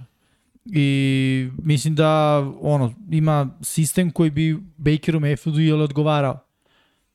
To je neko moje mišljenje sad u, u ovom trenutku, to mi je veto palo na pamet. bukvalno. Kogo ti je bolji Baker od Sam Darnolda? Pa bolji mi je, iskreno mi je bolji. brate, Kako nije? Ne, ne mogu da poredim. Ne, ne, pitam koliko. Koliko je to, koliko su imali pobjeda prošle godine? Ma dobro, nemoj da gledaš Da. samo kroz pobede. Znaš, Mislim, bolji prvo bio je dva puta u play-offu. Darnold nije bio ni jedno. jednom. jest. Je bio jedno. Jednom, ne, jednom je bio Baker. Samo 2021. Da, u stvari, da, ono druga, da, godine, jednom je da. bio u play-offu i dobro, jednom je pobedio u play-offu. Tako je, Darnold da, Dobro, je- dve utakmice igra u play-off. Jest, dve utakmice. Kad je Pittsburgh bio Tako je. ono Darnold ultra nije, nije to uradio, to je broj 1. Broj Istina. 2, ono, Baker na terenu igra kroz sve žive povrede, igra hrabro. Znaš, Baker dobija patine, ustane i, znaš, Sam Darnold se plaši. To, ne, znaš, ono ne može da, ja vizualno kao vidim quarterback kada da ono je, je u strahu da baci loptu, to meni nije quarterback, mislim. Znaš, Baker je bar hrabar i to uvek sam cenio kod njega. Ima on svoje palinke, naravno, ali bar je uvek tu. A mislim da je ovo recimo i za njega isto ono poziv na buđenje, znaš. Uh, jer po meni on je prerano krenuo sa pričom super zvezde. Po meni je Baker, da, prerano da. da, on u svojoj, koje, četvrtoj sezoni kao snimam reklame, Ma, Ovo pa snimao sve vreme. znaš. Drugi To- sezon je on već snimao. To je prerano. Znaš, to je kad si naj... Kad si zvezda, znaš, Ma ti znam, dovedeš zvezda čega? Zvezda koleđa, ono, daj nema se Zvezda- A zezati. prvi pik na draftu. prvi pik na Pa, draft. ok, znači jeste, mnogo. ali meni on nikad nije bio zvezda Clevelanda. U prvoj godini jeste. Ali ima, znaš, Kad je on pokazao ima, da može, znaš. da, on ima takvu auru oko sebe. Mislim, Tako sad, je. znaš, neki ljudi ćuti i rade. Neki ljudi idu, znaš, idu ka svetlu, privlači ih to. I sad Baker je takav, znaš, došao je, na primjer, Odell, koji je ono zvezda, zvezda, zvezda, znači ako neko privlači onu pažnju, to je Odell, Baker se uklopio s njim da bleje zajedno, izlaze po klubovima, izlaze ono na, na ručak. Na, Tako ja kapiraš, on, on je takav lik. Neko drugi bi, znaš, drugačije to, to hendlova, ali Baker je takav, ono, mlad, željan pažnje, žel- željan publiciteta, ono, prvi pik na draftu, dobiješ ugovor da budeš ono rame uz rame Jeste, sa ali ja mislim da je ovo sad ono baš bilo ono, polivanje za njega u smislu hladnom vodom kao Kako ono. ne? Kako po Ej, kao možda misliš sebi šta hoćeš, ali mi smo doveli našeg čoveka. Pa dobro, Deshaun Watson je bolji od Bakera, to nije Istina. ništa sporno. Mislim, Baker ima koliko 62 odigrane utakmice, njemu je skor 29-30, 61 zapravo. Ma imaju isto, iste godine imaju, znaš. Nevezano za što je ovaj godina Jasno. dana klasa ranije, ali ist, Tako je. iste su godi, godine. I onda, znaš, imaš kvotrbe kod 26 godina s kim bi pregradio franšizu, Dešonom Watsonom i njegovim talentima ili Bakerovim talentima. Mislim, nema se lažem. Da, Da. Što se Karoline tiče, mislim, ovo sad možda malo zvuči smešno, ali ovo uopšte nije nemoguća misija. Pregovori Lamara i Ravensa ne idu uopšte dobro. Lamar uopšte nije zadovoljan novcem koji Ravensi nude, a znajući Ravense, ono, to je, to je stiskavac neki. Uh, znam da se pričalo oko 40, a sad su quarterbackovi najbolji skočili na 50. Što bi značilo ova priča, Tyreek Hill, Devonta Adams, znaš ono, tako je tržište. Sad, sad i verovatno i njegovi prohtevi rastu. On ako hoće 45, na primer, i Remisi kažu "Č- 45, ono, mislim, mnogo je.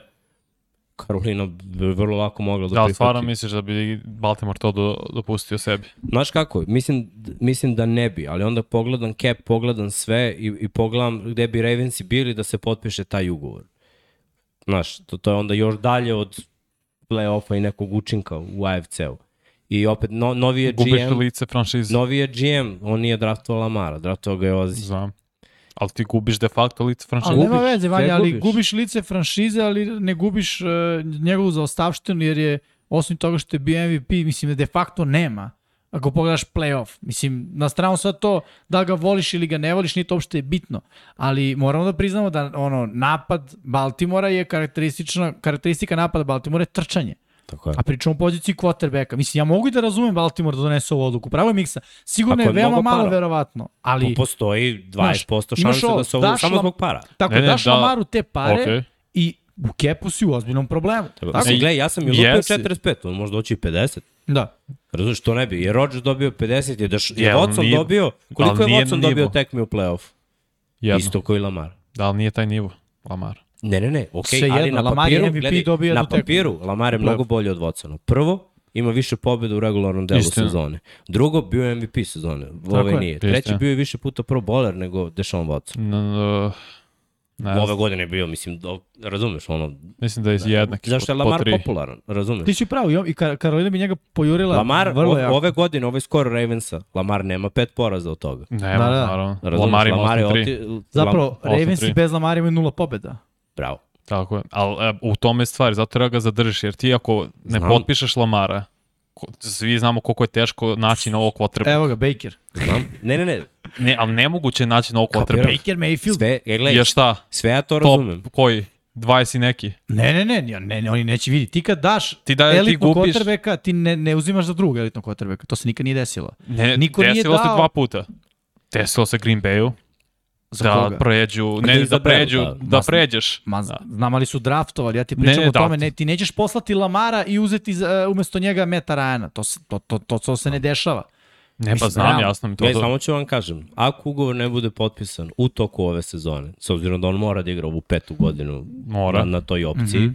koja je ono bedni novci, ali on je dalje na ruki ugovor i mora to da igra. Ako ne bude Nazdrav. bilo potpisano, ja mislim da je njegov stav da, da ono, Idem dalje. hoće Biće da franchise istraži, tago. ist, istraži svoje, svoje A opcije. biće tago. I stavit ćemo exclusive tag, gde neće moći da istraži opcije. Dobro. Bukvalno, exclusive tag će pasti, neće Ja moći da... 80% mislim da je tako. Ali me plaši, razumeš, da, da zbog cene tržišta i svega i načina na koji Ravensi posluju. Jednom su platili kvotrbeka samo, to je kad je Joe Flako Flacco. izdominirao. Joe. Flacco je bio posle osvojenog Superbola najplaćeniji kvotrbek Da. u ligi. Najplaćeni igrač. I bio je najveći fail. Najveći fail ikada. I Flako je imao ono, sličnu, sličnu priču kao Lamar, šlepovo se na odbranu, razumeš, i nikad nije dostigao, da kaže, svoj potencijal. Ono. Z- zato mislim da ono, Karolina možda gađa to ili tako neku priču, razumeš, da neko od negde nema para da plati franšiznom quarterback, što ono, je 20%. Ali to se neće desiti u ovom pred, u ovoj Da, ne, niko, Ne, ne, ne, niko ovo je- to, to je ono, To je za sledeću to je godinu. zato, zašto oni dalje imaju A zato ja mislim da oni mogu da uzmu. Bakera na godinu dana i da mu kažu, znaš, Pa da, ej, ej, samo što se njima više isplati, da Brownsi katuju Bakera. Tako je. Jer Brownsi sada, ako zadrže Bakera na rosteru, moraju ga plati 18 miliona. Toliko je ta opcija. Ne znam da ko, ko je krajnji datum za to. Uh, jun. Da, Neki jun. prvi jun. Možda prvi, da. Znam da je u junu. Znači, Da, da. oni u junu, ako ga, znaš, ako ga katuju negde, neko može da ga, oni će probati da ga utope, ali sad niko neće da ga prihvati. Niko jer- da što znaju da zato što prvog juna znaju će da, biti da, tako. verovatno Tako je, tako. tako je. Mislim, ne besplatan, mislim, ali ono. Onda mogu da ga potpišu To na godinu Steelersi isto pričaju tome. Hm? Da Steelersi zapravo čekaju da se Baker katuje da bi ga uzeli. Pa da, a to A šta isto je ona može... ideja, vrat, sa Trubiskim i sa Bakerom? Šta uzmeš pola Pa jednog, nisi pola znao, drugog? ne ne, ali nisi znao. Prosto nisi znao da će Baker biti slobodan. Da. Pa znam, to je onda baš loša priča kao potpisao si Trubiskog. Meni više Jeste. miriš ovo za Karolinu. Za Karolinu Baker, da, Meni da proba godinu dana, jer onda su Karolina odradila ovako dve godine sa ono, dva probna quarterbacka. Jeste. Znači, probali su da ono, vaskrsnu Donalda nije prošlo, Baker nije prošlo, ok, Možda znači, prođe, Baker. na primer, ili Da. šta god, znaš, ako ne prođe, Ja znam zašto mislim da bi bio dobar fit u Karolini. U Karolini je na hvataču zvezda uh, Moore. Moore. DJ Moore. A Moore je najskromnija zvezda koju možeš da imaš. Da. Znaš, i Bakeru se otvara prostor da on bude ono, sunce koje sije. Njemu može da odgovara, Karolini može da odgovara. A, druga stvar, Karolina ne igra taj, ono, da forsiraju futbol sa dugim dodavanjima. Realno, Robbie Anderson kod njih, ono, ok, mislim, ono, ima neke utakmice, ali nije toliko, da kažem, iskorišćen kao recimo u Jetsima, kad, kad je bio baš du, duboka pretnja. Opet to odgovara Bakeru Mayfieldu. On meni nije kotrebe za dugačke, za dugačka dodavanja, nikako. A, treća stvar, ono, Christian McCaffrey, jak backfield, uh, ako je zdrav. Pod, kao u Clevelandu, što se pokazalo da ono, Baker u tom Ali nekom ofenzivna sistemu... linija je mnogo slabija. Jeste, ofenzivna linija jeste slabija, slabija, ali vidi, slabija. tu ćeš da tražiš od Mayfielda da ono, No. zaradi svoj novac, brate, zaradi svoju platu. Pokaže da, da si hrabri od. Arnolda. kaži da si pik prve runde, brate. Prvi pik na draft. Prvi pik Pa na dobro, draft. prvi pik, da, okej, prvi pik na draft, jeste, jeste. Ne znam, znaš kako- budemo i svesni šta je imao Baker u Clevelandu. Imao si najbolju ofenzivnu liniju. Imao si najbolji duo na poziciji trkača. Možda ti sistem da. nije odgovarao, što je totalno legitimno, ali opet si imao je vrlo dobri hvatača oko sebe pazi koji su bili pro boleri. Vidio, Baker na koleđžu, mislim da je bukvalno imao ono nula snapova ispod centra. Mislim da je na... Tako je napad Lincoln Riley uglavnom. Da, mislim da je na Oklahoma bio uglavnom u shotgunu. U Clevelandu je on vrlo često bio ispod centra. Pa to su stvari koje ljudi ne obraćaju pažnju. ali To mnogo, to mnogo menja Ti quarterback. si apsolutno pravo. Sve Pa, menja. Jalen Hurts je pokidao na Oklahoma poslednju godinu, kad se prebacio sa Alabama na Oklahoma. Zato što Lincoln Riley takav je njegov napad. Tako je. Prosto- Na Alabama je ima quarterbacka ispod centra. Mislim što im ne znači u NFL-u ništa. Vidim, Da. I tu ni ovaj uh, Jalen nisu, mislim, ne, ne igraju u tom sistemu uopšte. Ali drugačije je kretnja quarterbacka, drugačiji su koraci, drugačije je Da. dubina, Na drugačije se formira power. džep. Sve je drugačije. Mhm. čitanja su drugačija kad si ispod centra, kad si u shotgunu. Tako da to bi možda moglo da funkcioniše, ali uh, sigurno da i Karolina igra tu pametno. Mislim, nema razloga šta ono. Niko neće ponuditi za Bakera trade, najverovatniji. Niko nije... Evo, ko je sad Pa, najočajniji ne, e, kad niko, gledamo quarterback? svi imaju quarterback. To ti kažem. Karolina jedina nema, uh, da Pittsburgh kažeš... isto, ajde... Pa ne, Pittsburgh ima. Ima, Mora, da, imaš, uzeli imaju trojicu na rosteru. Seattle Možeš da nema. kažeš i kad Pa gledamo... nije, Seattle ima Drew Locka, mislim. A, I kad gledamo, bolji Drew eto, Seattle ima ono bolja opcija Baker nego Drew Lock. Seattle je druga ekipa i dalje gledaš, znači svuda bi ono mogao da bude konkurent za prvo mesto. Staviš ga u Detroit da se bori sa Jaredom Mm. Goffom, ali mislim to je jedino što imaš, nije on, ni meni se ne sviđa. Ali to je to. Realno, AFC je popunjen. a, da, u AFC-u AFC nema gde. Nemaš nema gde. gde. Znači, Da, da, Houston direktno je rekao ne hvala. Da, ne, ne, Houston mi nećemo sa- Bakera, mi imamo Millsa, sve Ma da. Davis Da. Mills je njihov čovjek, to, to nema šta. I meni je recimo drago za to. Ono.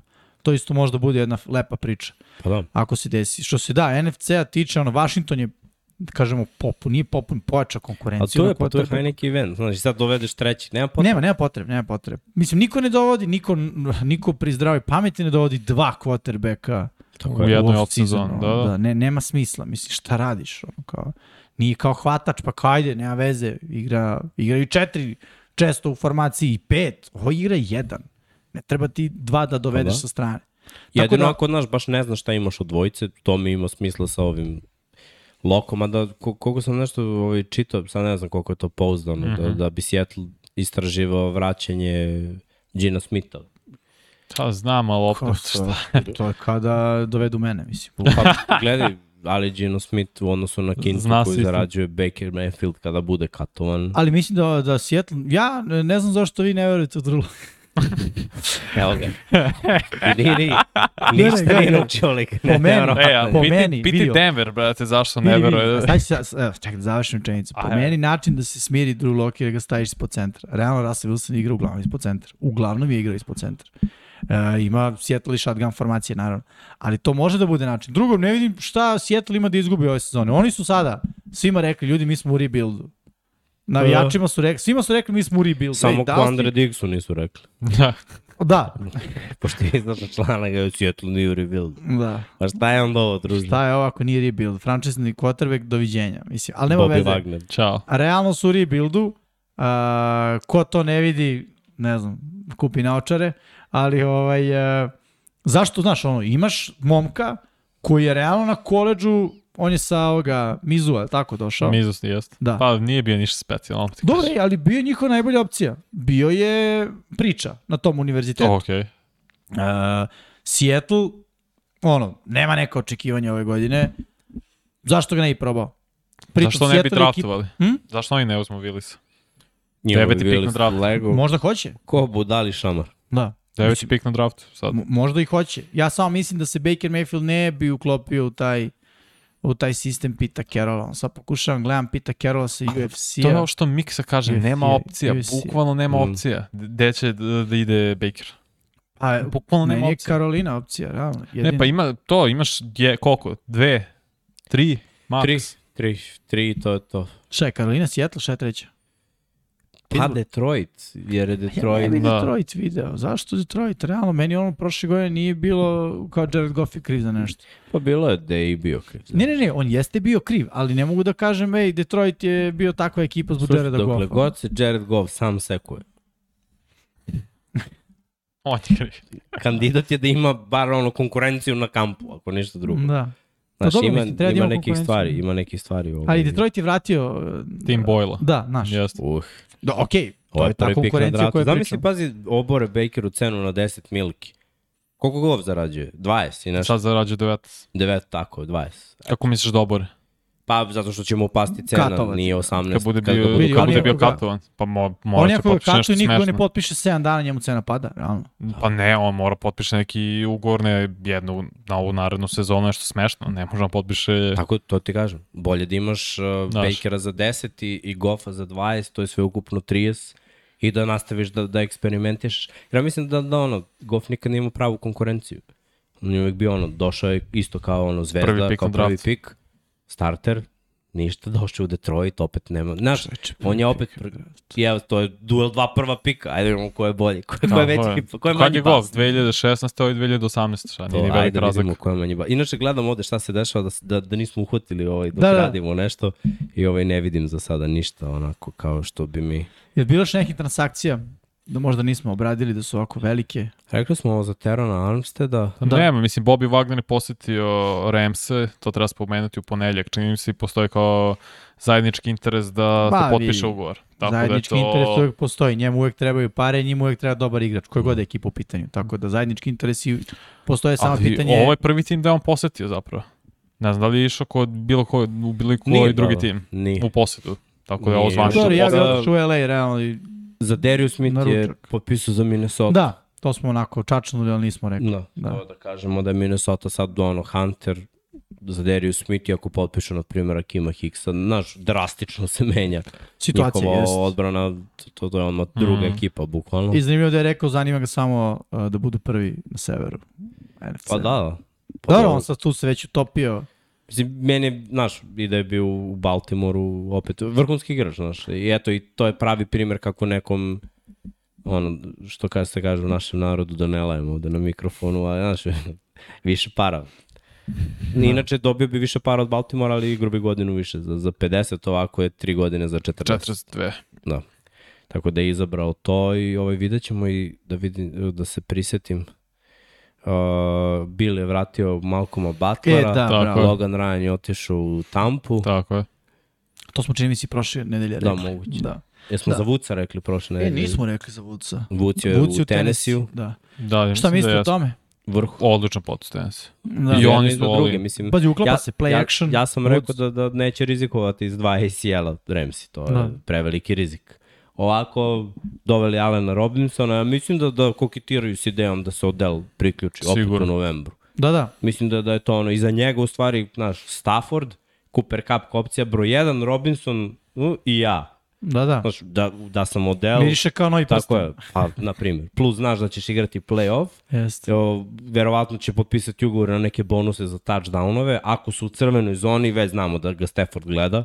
Da. Znači, on je bukvalno imao touchdown po utakmici. to- Pritom, budimo realni, uh, ne samo nakon Giantsa, nego i posljednji posljednju sezonu, čini mi se u Giantsima, model nije bio toliko produktivan. Nije, nije. Tako Ovo je da je posle dužeg vremena, da mislim da se on osetio dobro. Jeste. Jer ono, znaš, moramo da uzmemo i taj moment u, u celu priču. Kako se on osjeća kada igra, znaš, kapiram da si u Clevelandu jako smoren kada istočiš 25 ruta da bi jednom bio pogledan. Da. Rekli smo za Devonta Adamsa, što je otišao u Raiderse. Da, to e, smo, rekli smo Marija Coopera, Istina. Jesmo. što je otišao u Cleveland. Da, i sad postoji šansa da se Jarvis vrati u Cleveland. Zbog Dešona. Pa da, ili Will Fuller ili tako neko. Da. Mislim, Da. s obzirom da od njega zna. Ali dobro, to će šta bi bilo kad bi bilo. Da, to, To ćemo dalje. Ćeš Vanja da pročitaš bar ono desetak E, najboljih slobodnih Evo ja bih sam rekao, Nick Barnett je potpisao za Eagles. za Eaglesa. Da. Da. Tako. Vratili su ga, tako kažem. I njega Yes. i Coxa, tako da D-line Sad će na, i dalje na visini cured. zadatka što Da. se tiče ovih John veterana. Hargreaves, to Hargreaves prošle godine još. Da, on je pokid i ovi motorci da osiguraju. Da, sad ćemo vidimo ko Bob su je još onako ostali. jedan od najboljih, Gilmore, Sam sekund, Kens, evo ga. Znači ima Jadavian Clowney, ima Odell, ima Gilmore, Tyron Matty, ima Bobby Wagner, Trey Flowers je potpisao, čini mi se, ili ne, Dante Flowers je potpisao Da. za Da. Dallas, ok, Trey Flowers, JC Treter centar koji je bio u Clevelandu no. posle Mhm. 3-4 godine stvarno igrao na visokom nivou. Julio, Melvin Ingram, Dor Antonio Brown, Rob Gronkowski, Calais Campbell, Melvin Gordon, Daryl Williams tackle, bivši iz Buffalo, Eric Fisher isto offensive tackle, Justin Houston, Jerry Hughes, Sheldon Richardson, Kim Hicks ima. Ima to sve dobrih veterani koji su bili nekad Da. na pro bowl nivou zapravo. Da, Imena, to ono, Tako što je. juče nas čitam i kao, zamisli ovo pre 3, 4, 5 Da. godina, o, bi, bi, bi po- poletili ljudi, da. Ali sad, sad, znaš, sad su to imena i ja Sad mislim to- da ih menadžeri tretiraju kao imena, Da. okej, znaš. I mislim da je sad to ono opipavanje terena, znaš. Da, ekipe hoće da ih uzmu za manje para, Da. da niko Veste trenutno... se zaradili u karijeri. Tako je, znaš, niko sad nije toliko, čini mi se, očan da baš posegne za nekim od njih i bude u fazonu napiši cifru, dolaziš. Tako mi nekako deluje. Pa istina, mislim, samo mogu nabrati još uh, Landon Collins, Ryle Rife, isto ima Cole Beasley, T.Y. Hilton, AJ Green, Emmanuel Sanders, Jason Peters, Alexander Johnson, linebacker, Calvin Noy. Tako ima stvarno i dalje dobrih veterana koji mogu on timove koji su playoff spremni da samo ubaci da dosta doprinesu. Da, baš to. Dobro, mislim, ovo je otprilike to, opet imamo bombu svake nedelje. Smo rekli bombu. za Laela Collinsa i Bengalse. To je bilo prošle nedelje ili ove nedelje? Wow, Ja mislim da- Collins, prošle. Prošle. Prošle. I Prošle, on i, i Kap, Jeste, da, da. Da. da su, da su to rešili još prošle. Da, da. Do Teron Armstead mi je ove nedelje od ovih najboljih Mm, ofenzivnih linijaša i Morgan Moses u Baltimore, ja mislim dalje ove ili prošle, Prošle, ali, prošle. Ali da je to to. Za ostale ne bi mogao da tvrdim. Okay. Ove, hoćemo na temu, temu da, da. Eteri. To će Ovo da najveš, Jimmy. I dalje imamo, i dalje imamo, znači, free agency koji nas iznenađuje, i dalje tu sve grmi, a hajde da se bacimo na top 10. Top 10 hvatača uz, iz sezone 2021 po mišljenju, skromnom mišljenju ekipe, Skromno 99 mišljenje. yardi. Vanja Miksa, Erceg i Jimmy su dali, to jest ja, su dali svoje, a, svojih top 10. Ozbiljna matematika se uključila, Kao i uvek. sofi, sofisticirani softver koji imamo. e, I dobili smo konsenzusom određenih top 10. Moram priznati da je ovo bilo najlakše do sada. Pa Prvih osam istih imena.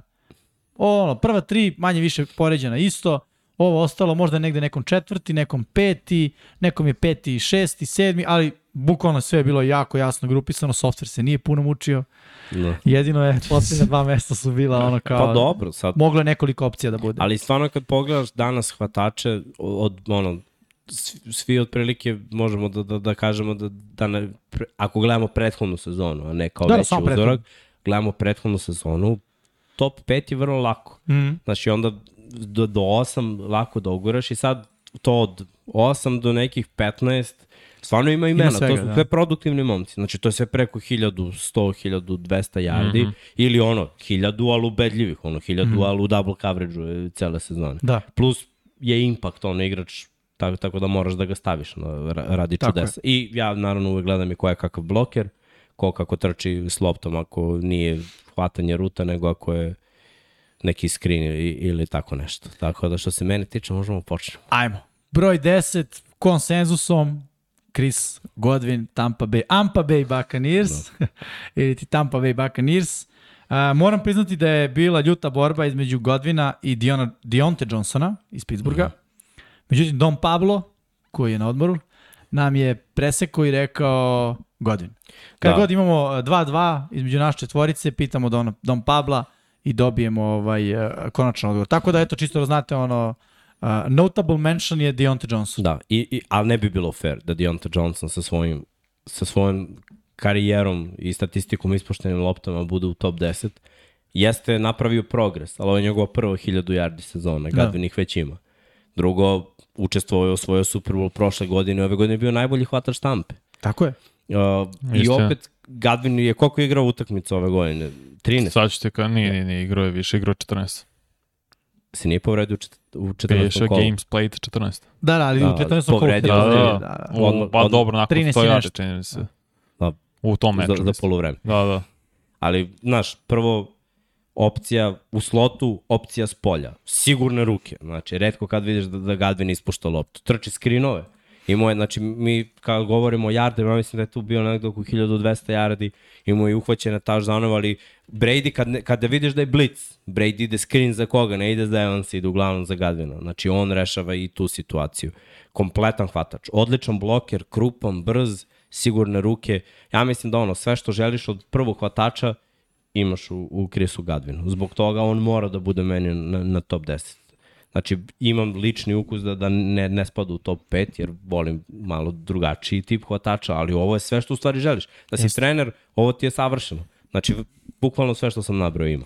Jeste, slažem se u potpunosti. Ajde samo da kažem, tebi je bio na mestu broj 10, meni je bio na mestu broj 10, Erceg i Vanja nema ga na listi, njima je na mestu broj 10 upravo bio Deontay. uh, Deontay Johnson. Ti i ja s druge strane nismo videli Deontay Johnsona u top 10, ja se slažem s tobom, ispuštene lopte Deontay Johnsona jesu razlog zbog čega ga ne vidim u top 10, drugo, njegov impakt na njegovu ekipu nije kao impakt Gadvina na svoju ekipu. Gadvin kad se povredio, Buccaneersima je ono, šansa u kladionici bum, pala. Balon se malo izduvao. I videli smo u play-off. Znači, moralo Jeste. je ono da, da, da se izvlači na, na ludilo Brady na kraju i baš Tako je. falio Gadvin. Ga fali upravo to. Kad Gadvin ne igra, on baš fali. Kad Deontay Johnson ne igra, Pittsburghu mnogo toga fali. I ti ne, baš i ne primetiš da ne igra Deontay Johnson. To je moj onako subjektivni osjećaj. Kad ne bi igrao uh, Na- Najee Harris, tad bih primetio i tad bi bio u fazonu nešto fali ovde.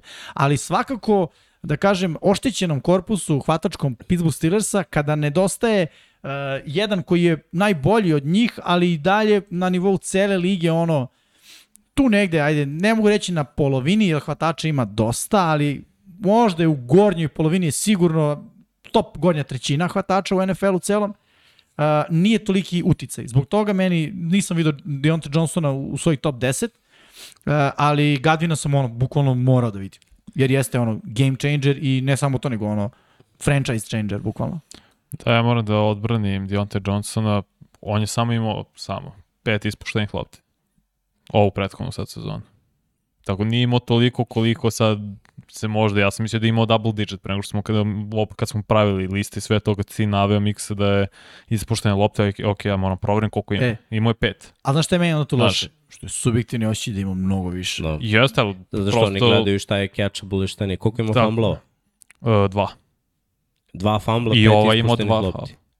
Chris Godwin isto imao dva Koliko fumble. trči Deontay Johnson screenova? Da, Ma, ali znam nisam- da je imao trećinu... Kakav on- je bloker? Koliko Deontay- ima hvatanja Kakav je bloker Deontay Johnson? Sad ću ti kažeš koliko je imao hvatanje Da. da. Deontay Johnson. Ne, imao je vrhunsku sezonu. Imao je 107 hvatanja. A koliko je imao Gadvin? 98. 98. Dobro, Da. ni- igrao manje utakmice. Igrao je dve utakmice Ali stvar. više Johnson. Gadvin i Evans su dve opcije. Deontay Johnson je Upravo- manje više jedina opcija Pa, u baš svojoj zato sam ekipi. ga ja stavio, zato što on je bio trećina ovog što je Ben imao yardi pačenih. I imao je 8 touchdownova i to je isto trećina što je Ben, ba, ben bacio 2, 22 touchdowna i imao 3700 yardi. Pazi, Ovo je Dion- imao trećinu od svega toga, znaš. Yes. Deontay Johnson je projekat Pittsburgha da bude Antonio Brown, ali Deontay Johnson niti je jak kao Antonio Brown, niti je brz kao Antonio Brown, niti ima ruke kao Antonio Brown, Jeste. niti je punter trener kao Antonio Brown, niti je bloker kao Antonio Brown. Za njegovu ono, dobrobit nije ni lud kao Antonio Brown. Tako da ono, Steelers uživajte, ovaj momak je ono, zvezda u, u Uspon. usponu, Usponu. da, da kažeš ono, projekat, Bolji projekat Juju, definitivno što se na kraju Pa da. pokazalo. ali samo treba još mnogo da se radi. Mislim, znam da deluje kao pet dropova nije mnogo. Pet dropova za prvo hvatača u NFL-u je previše, pet dropova mm -hmm. za top 10 je neprihvatljivo. Uh, sezone, znači, kada pogledaš, imaš hvatače ko- koji ono ne ispuste loptu u sezoni. Imaš hvatače koji ne ispuste loptu u dve sezone. Znam. Ili ispuste Imaš jednu. Larry Fitzgerald. Deandra Hopkinsa, Tako je. da razumiješ? Znači, mnogo je hvatača koji ispuste jedno i to ono je contested da ga neko šamari po rukama polomi, da. razumeš, ili ono u padu pokušava nešto. Deontay Johnson, brate, je sam slant ide u ruke i on ono, je ispusti. I mislim, to je stvar, uh, bilo je, znači, utakmica gde, gde on vežba s lopticama i to sprema se. Radi na toj koordinaciji uh, Hand-eye očiju, šaka i, da. i očiju, ali, znaš, još uvek mora to da, da se vežba. Definitivno i on svestan svog problema. Da, samo bi dodao još jednog igrača koji, mogu slobodno kažem, neće biti top 10 bio to na granici, Mike Williams. Tako je, meni je Mike Koji Williams bio- Jest, u poređenju sa. Deontom Johnsonom. Prvo, gledaj, moraš da uzmeš, ako je hvatač, hvatač mm. -hmm. ocenjuješ, kakav je bloker. I, i Mike razumeš, Williams je ogroman. koliko, koliko puta taj hvatač iziskuje double team. Gadvin iziskuje double team. Deontay Johnsona niko ne čuva u double teamu. Čuvaš Chase Claypoola zato što je on ono big threat mm. -hmm. i razumeš što on može da te dobije. De- Deontay uglavnom stane u slot ili, s polja ima jedan na jedan. Redko ko na njega Glove to sl- slot receivers. ra- između ostalo. E sad, Mike Williams je ono, i kad je u double, u double team, kad je jedan na jedan, uvek gledam onaj busted pose za, za, za touchdown.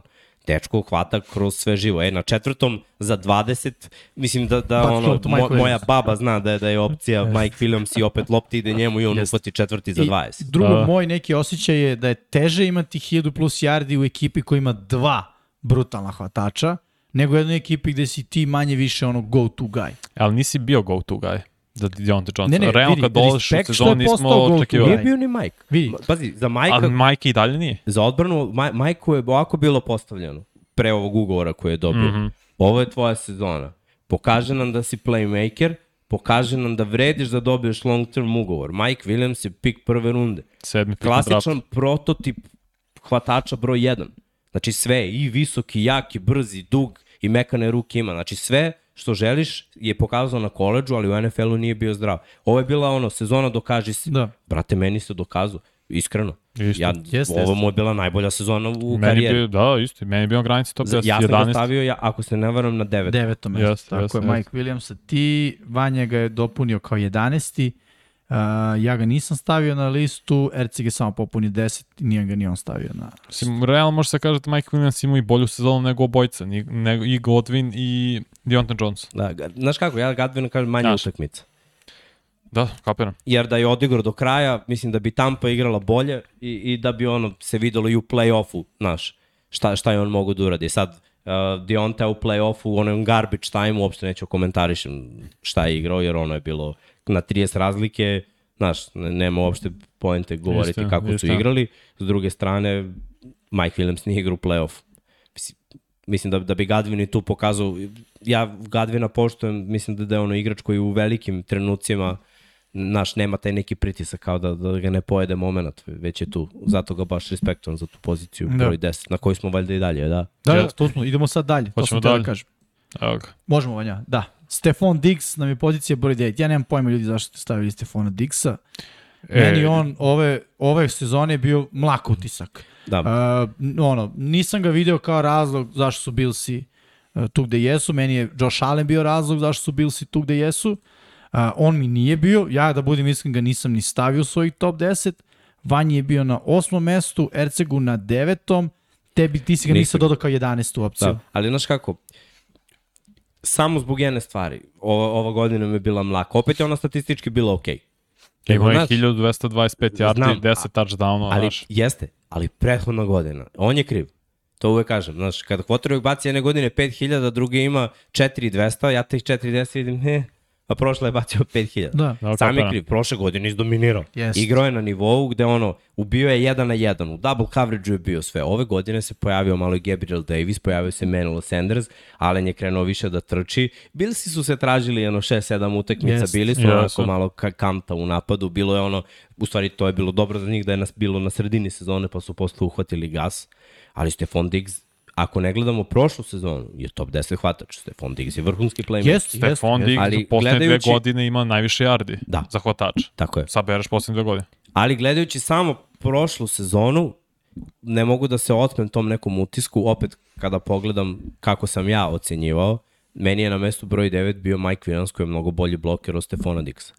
Ok. I nisu samo jardi, nekad ima i u ovom drugom delu igre što, što rade hvatači, a to je ono, koliko trče s loptom, koliko šta rade, Stefan Diggs je tu malo meni podbacio prošle godine. Ali nemam nikakav problem da Stefan Diggs bude broj 9, a da Majka Williamsa nema, jer Stefan Diggs iako ocenjamo samo prošlu sezonu, je pokazao nekoliko navrata Tako da ono ga ne pojede momene, da, da je veliki igra za velike trenutke, Minneapolis Miracle, Mi- Minnesota u play-offu, pa Bills u play-offu, pa ono, prošla godina finale. jeste faktor, tu Tako nema je. šta. On kako je došao u Buffalo, stvari su se stabilizovale i to nije slučajno. Nije. To nema šta. I čak za ceo tim Buffalo bil se dobro što je on imao ovakvu sezonu. To znači da on nije onaj što kažu amerikanci cry baby, znaš, da bude u fazonu ja, ja, ja, ja, ja, ja, ja. Da, je što nisam imao 1700. Tako je, znaš, jer kao to meni sleduje, to, to je moj ono, udeo u celoj priči, nego je ovo timski napor bio, napor u kom je trebalo da se iskorači baš na poljima gde su iskoračili, a to je ono Josh Allen sledeći nivo, ja mislim da je ovaj nivo Josh Allena brutalan i da ja ne tražim od njega u mojoj glavi sledeće godine novi nivo. Samo konstantno. Samo konstantnost, bravo. Znači Da, on I nek Gabriel ima... Davis, znaš, Gabriel Davis je Gabriel sigurno Davis. pokupio na McKenzie, treningu mnogo, McKenzie sad postaje Jeste. startni Mhm. slot. Znaš, razvio si nova dva klinca time što Tako je je. došao, on siguran sam, znaš, mislim, znam iz ličnog iskustva, gledaš vrhunskog hvatača i pokušavaš da uradiš nešto što on radi i stalno ste ono u, u nekom dosluhu i stalno ti daje savete. Neke stvari kreneš i ti da radiš mnogo da, da. bolje. Obratiš pažnju na neke sitnice koje nisi mogao sam, niti je mogao možda trener koji je vrhunski strateg, ali ne zna te igračke forice koje, koje mogu da ti pomognu. Sve to Stefan Diggs napredio. Ali ono što Diggs radi pomera lance. On je, samo su petorice igrača imali više hvatanja za prvi dan od njega. Da. Što znači pouzdan. Znači ako treba treći za A dobro. 4-5, Diggs To- no, prvi dan. Ali vidi, Znaš, to je očekuješ od svoje opcije broj 1. Tako je. Znaš, Tako je, zato mora I- bude top 10. Tako je, i on, uh, mislim tako, je, ja ga nisam stavio. Uh, ja sam, evo, konkretno ću reći, na mesto broj 9, mogu i to da kažem, Vanja je stavio Evansa, ja sam stavio Keenan Allena, Erceg Diggsa, miksa Majka Williams. Da, meni je iskreno jako teško top 10 da gurnem hvatače. Jer, pazi, quarterbackova igra jedan kao starter. Da, da. Running backova uglavnom igra Jedan, jedan, kao starter, max. ovaj ne, ne možda imaš dva beka u top 10. Znači, ako Da, iste te ekipe, da, to, to je jako šanse. teško. Uglavnom su produktivni ili jedan ili drugi ili obojica. Hva, hvatači imaš dva i mogu da budu produktivni i jedan i drugi. Jest. I to je ono, jako nezahvalno, sve se svodi na, na ono, ja, ja gledam taj kompletan kompletnu sliku šta svi rade, ono, kao ko, ko je dobar bloker, ko je dobar što se trčanja ruta tiče, ko je imao sezonu statistički touchdownovi, prvi downovi uh, i hvatanja generalno, yardi, tako da on nemam nikakav problem sa Dixom. Dix je meni vr, vrhunski hvatač. Dobro, Slažem se, hoćemo dalje. ajmo. Mesto broj 8 nam je Keenan Allen. Keenan. Allen je meni top 5. E, Nisam ga Vic. stavio u top 5 jer je prethodne sezone malo podbacio, ali Keenan Allen sa svojim nekim uh, načinom, prvo Izvinješ se, release, ali ti on top 3 route runner. nije, ali mi je top 5 router. Ok. Ali, uh, gledaj, ja uvek ovo hoću da napomenu, i za njega i za Devonta Adams, oni su spori likovi. Znači oni trče 4-5, 4-6. Ali on ima Da. game speed. Tako je. Oni imaju fintu.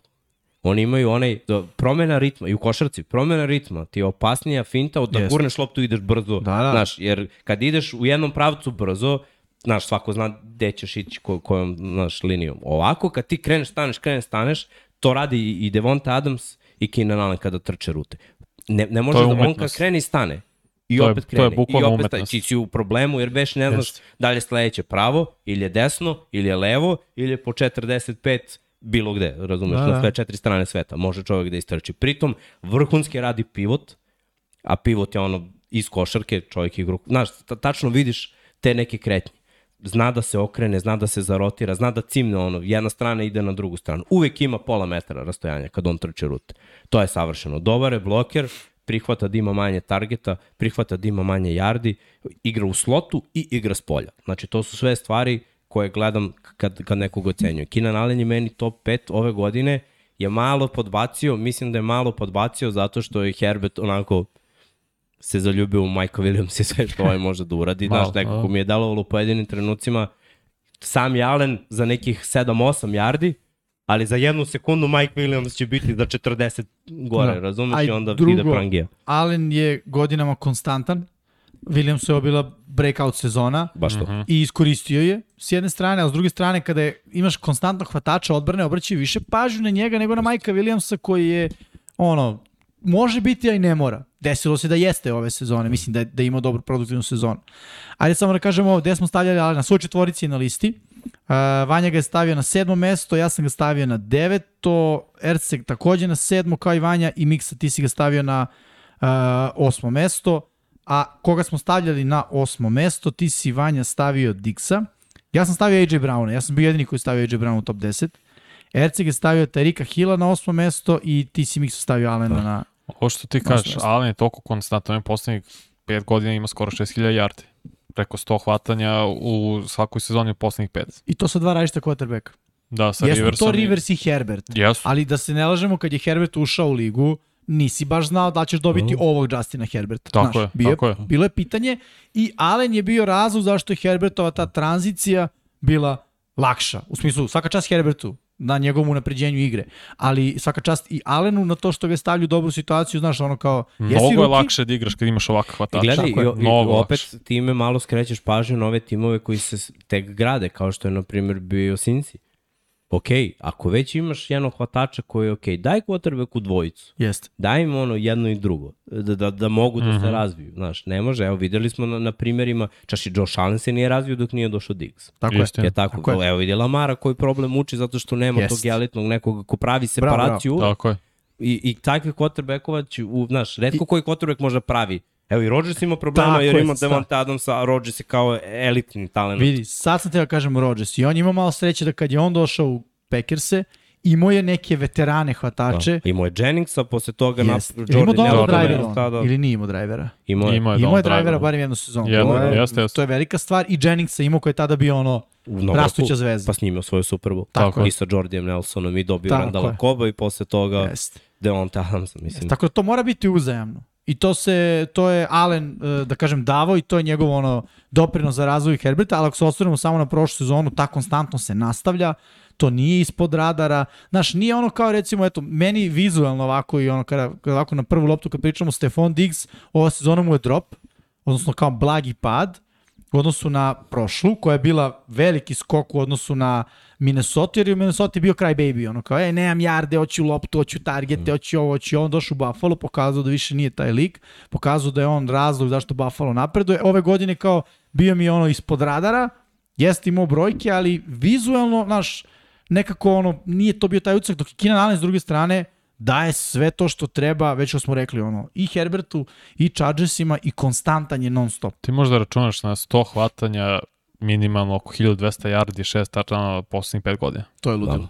To je E stvarno... sad, kada govorimo o tvom ovaj, AJ Brownu kog si stavio na ovu poziciju, AJ Brown samo mislim da ove godine nije imao, a, ali generalno ako pogledaš, bio je povređen AJ Brown, Da. dosta je mučio muku, Julio je bio mnogo povređen i onda kada je AJ Brown igrao, imao s druge strane ovog, uh, kako se zove, je, White, je Whiteside ili nije? Ne, ne, ili ne, je nije, nego Westbrooka Kina. Westbrook Da. da. tako je.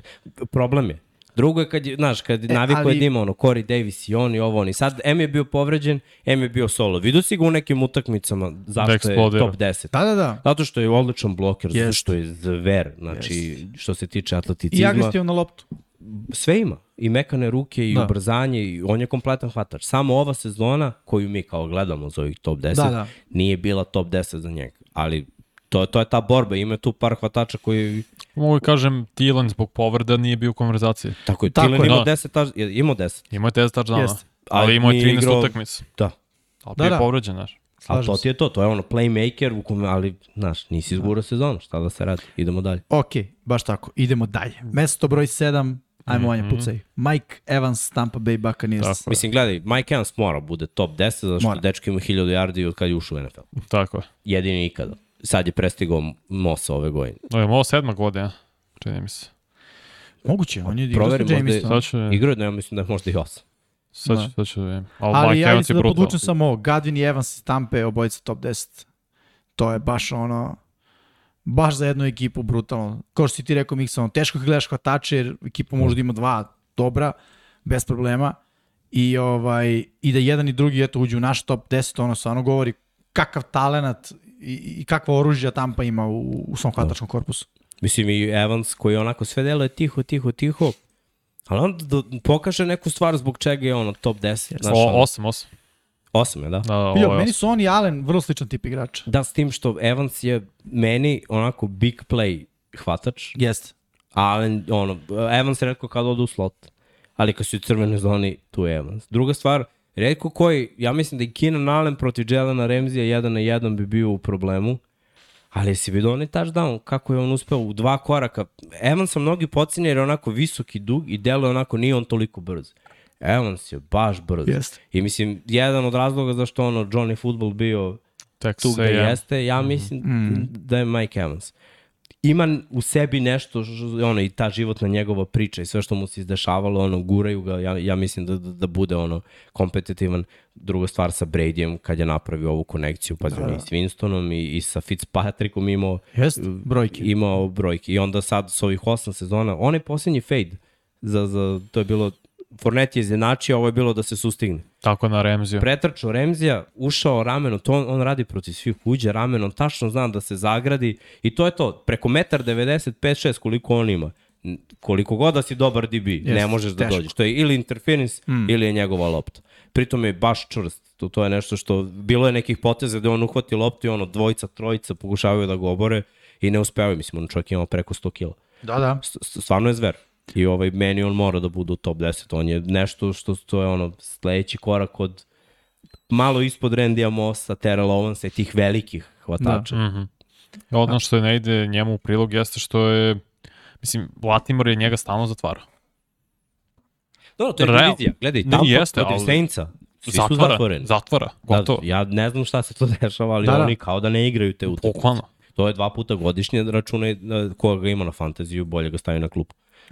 Ajde da kažemo ovako, koga smo stavljali na uh, mesto broj 7, uh, Vanja je stavio Keenan Alena, ja sam stavio Dibu Samuela, uh, Erceg je stavio Keenana Alena i ti si Miksa stavio Majka Evansa. Generalno DSV je bio Evans, Miksa sedmo mesto, Erceg šesto, ja sam ga onako lansirao u top 5, meni je bio peti i Vanja ga je stavio na mesto broj 9. Onako šarenoliko prilično, ali nekako čini mi se jasno da pripada, slušaj ovo, gornjem delu donje polovine. No. Evo ga, matematika. Ja da čekao cijel podcast na to kaže. Ne, ne, sad je pao napred. Dobra formulacija. Ali da, svakako mislim da ono, top 10 ne može da prođe bez Mike Evans. Ne može da... On Ne će uvijek pre biti u konverzaciji nego Gadvin, recimo. Da.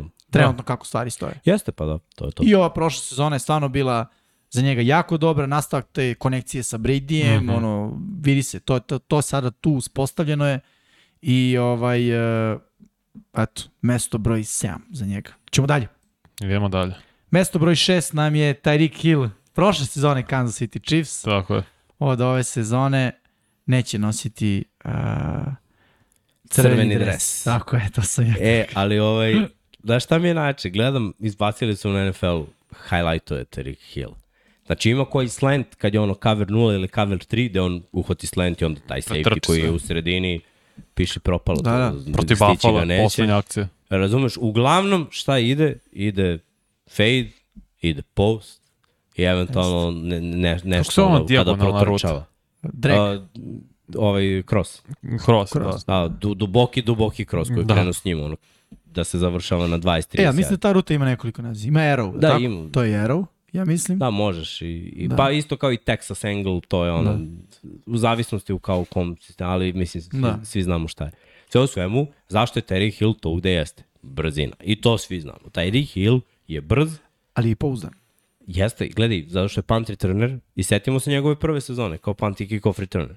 Toliko je bio dominantan, ja verujem da on kad bi danas, evo ovako, Chiefs i gube, ostalo je dve sekunde do kraja, to je Rihill vraća punt i Dolphins veruj mi da, Dolphins da, da, ili Dolphins, i dobro.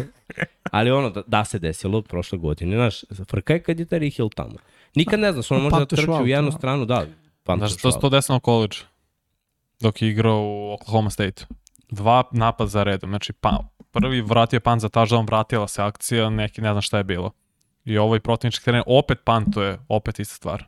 Dva Pa. za redom vraća za touchdown. Gledaj, Ja, samo ti on je kažem- toliko brz da brz pored njega ne deluje brzo. A samo ti kažemo, punt return je mnogo teže od kick-off return. Da se Da vrati to za vratiš i touchdown. touchdown, ne, bukvalno nemoguće mislim. Tako je. A, ajde kažem ovako, kako je izgledalo mesto broj 6 kod nas? Miksa Hill, ja Hill, Vanja Hill, Erceg Evans. Erceg je Hill stavio na mesto broj 8, uh, onako zakucana šestica za, za Terika Hilla. Zašto nam nije u top 5? Evo ja mogu kažem zašto meni lopti. nije u top 5. Zašto je one trick pony.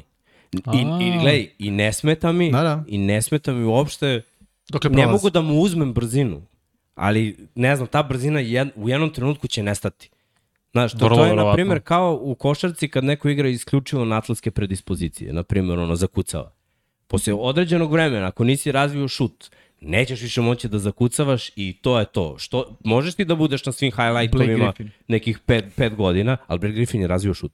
Da, ali Yes. čini mi se, moje baš ono nebitno mišljenje, da je to kasno se desilo. Ali neki Može igrači naš Yes. nikad nisu razvili šut. Samo su bili ono kuca, kuca, kuca i, i to je to. Sean Kemp. E, e ovde, na primjer, a ovde si u fazonu trčim, trčim, trčim, trčim, brsam, brsam, brsam i gledaj, svaka njemu čast. Treba trčati u, u njegovim godinama, on je sad već veteran. 28 im. Razumeš, on i dalje trči Ali zar nije dosta hvatači su rekli, znam da to Chris Carter pričao, da je on bio brži kad je imao 28-9 nego kad je izlazio s koleđa. Da je prosto Dobro, to- bio brži kao igrač i imao i 40 Da, yardi, im- trčao malo- brže i sve. Za, računaš onda brzinu, ono, i in-game i ovo, ono, kako ti Ma, drugo samo dobiješ, dobiješ i neku snagu i naučiš pre svoje telo. Jeste. Neki, Aha. naš klinci ne znaju svoje telo kao odrasto čovek koji pazi sad isti režim sprovodiš od 22. Ti si upravo do 28. to rekao, Terry Hill se baš sprema. Da, znači, da, on da. u, uvek Brutalno, sprema. brutalno. Njegovi treninzi, mislim, probao sam neke stvari koje on radi. On, ljudi, mislim, mogu da kažem da, da kao vodim račun i volim da treniram, ali neke stvari su ono vanzemaljsko čudo. Da. Ne, neke vežbe njegove baš to za zadnju ložu i ono šta on čovjek može da uradi, kakav balans ima i koju snagu postoji mm. razlog zašto je tu gde jeste. E Sad, ja kao top 5, ja, ja volim da, da mi hvatač bude ono, kompletan all around i volim kad je svestran. Znaš, kao, kao u ko, volim kad neko dobro šutira, kad ima dobar prodor, kad ima dobar dribling, na primjer u košarci. Ovde volim ako je hvatač u pitanju, znaš, kad je kvotrbek u pitanju, Da, može. i da može baci kratko, i da može dugo, i da može malo da istrči, i, i da ono je hrabar, i, i da sme kad, kad je hvatač, isto vo- volim da bude svestran. Rick Hill meni se čini da, da isključivo igra na, na svoje ono fizičke predispozicije, koje neka znaju da ukopaju njegovu ekipu, kao u finalu. AFC-a, gde je ono, znaš, to, zašto on uvek veruje u tu brzinu. Ja ću dodem 5 yardi unazad da bi uzeo, mm. razumeš, od tog mesta 6 Kapiram, yardi, u stvari 1 yard. Kapiram. Ja bih više volao da uradi Stefano, spusti rame, baci fintu, džuk, rolling. Jest. Znaš, ono, i, i to je eksplozivna finta. Ove godine je pokazao onu slabiju stranu što nije imao prethodne, te ispuštajne lopte, ti fumblovi, to je na početku sezone bilo kao, to, ovo se ne dešava. Dobro, to se dešava kompletnoj ekipi Chiefsa, takve greške, mentalne. Jeste, jeste, jeste. A, Apsolutno. i, ali da, slažem se s tom. To jeste isto bio onako neki pokazatelj uh, da, i ono što ti Miksa rekao, i to drvo ruta nije kompletno i nekako ne može da uđe u, u, u top 5. A, Ali pazi, zahvaljujući brzini, da to gledamo lag, laganih top Ma 5. da. Bio je top, bio je top tu je- 3 u broju hvatanja.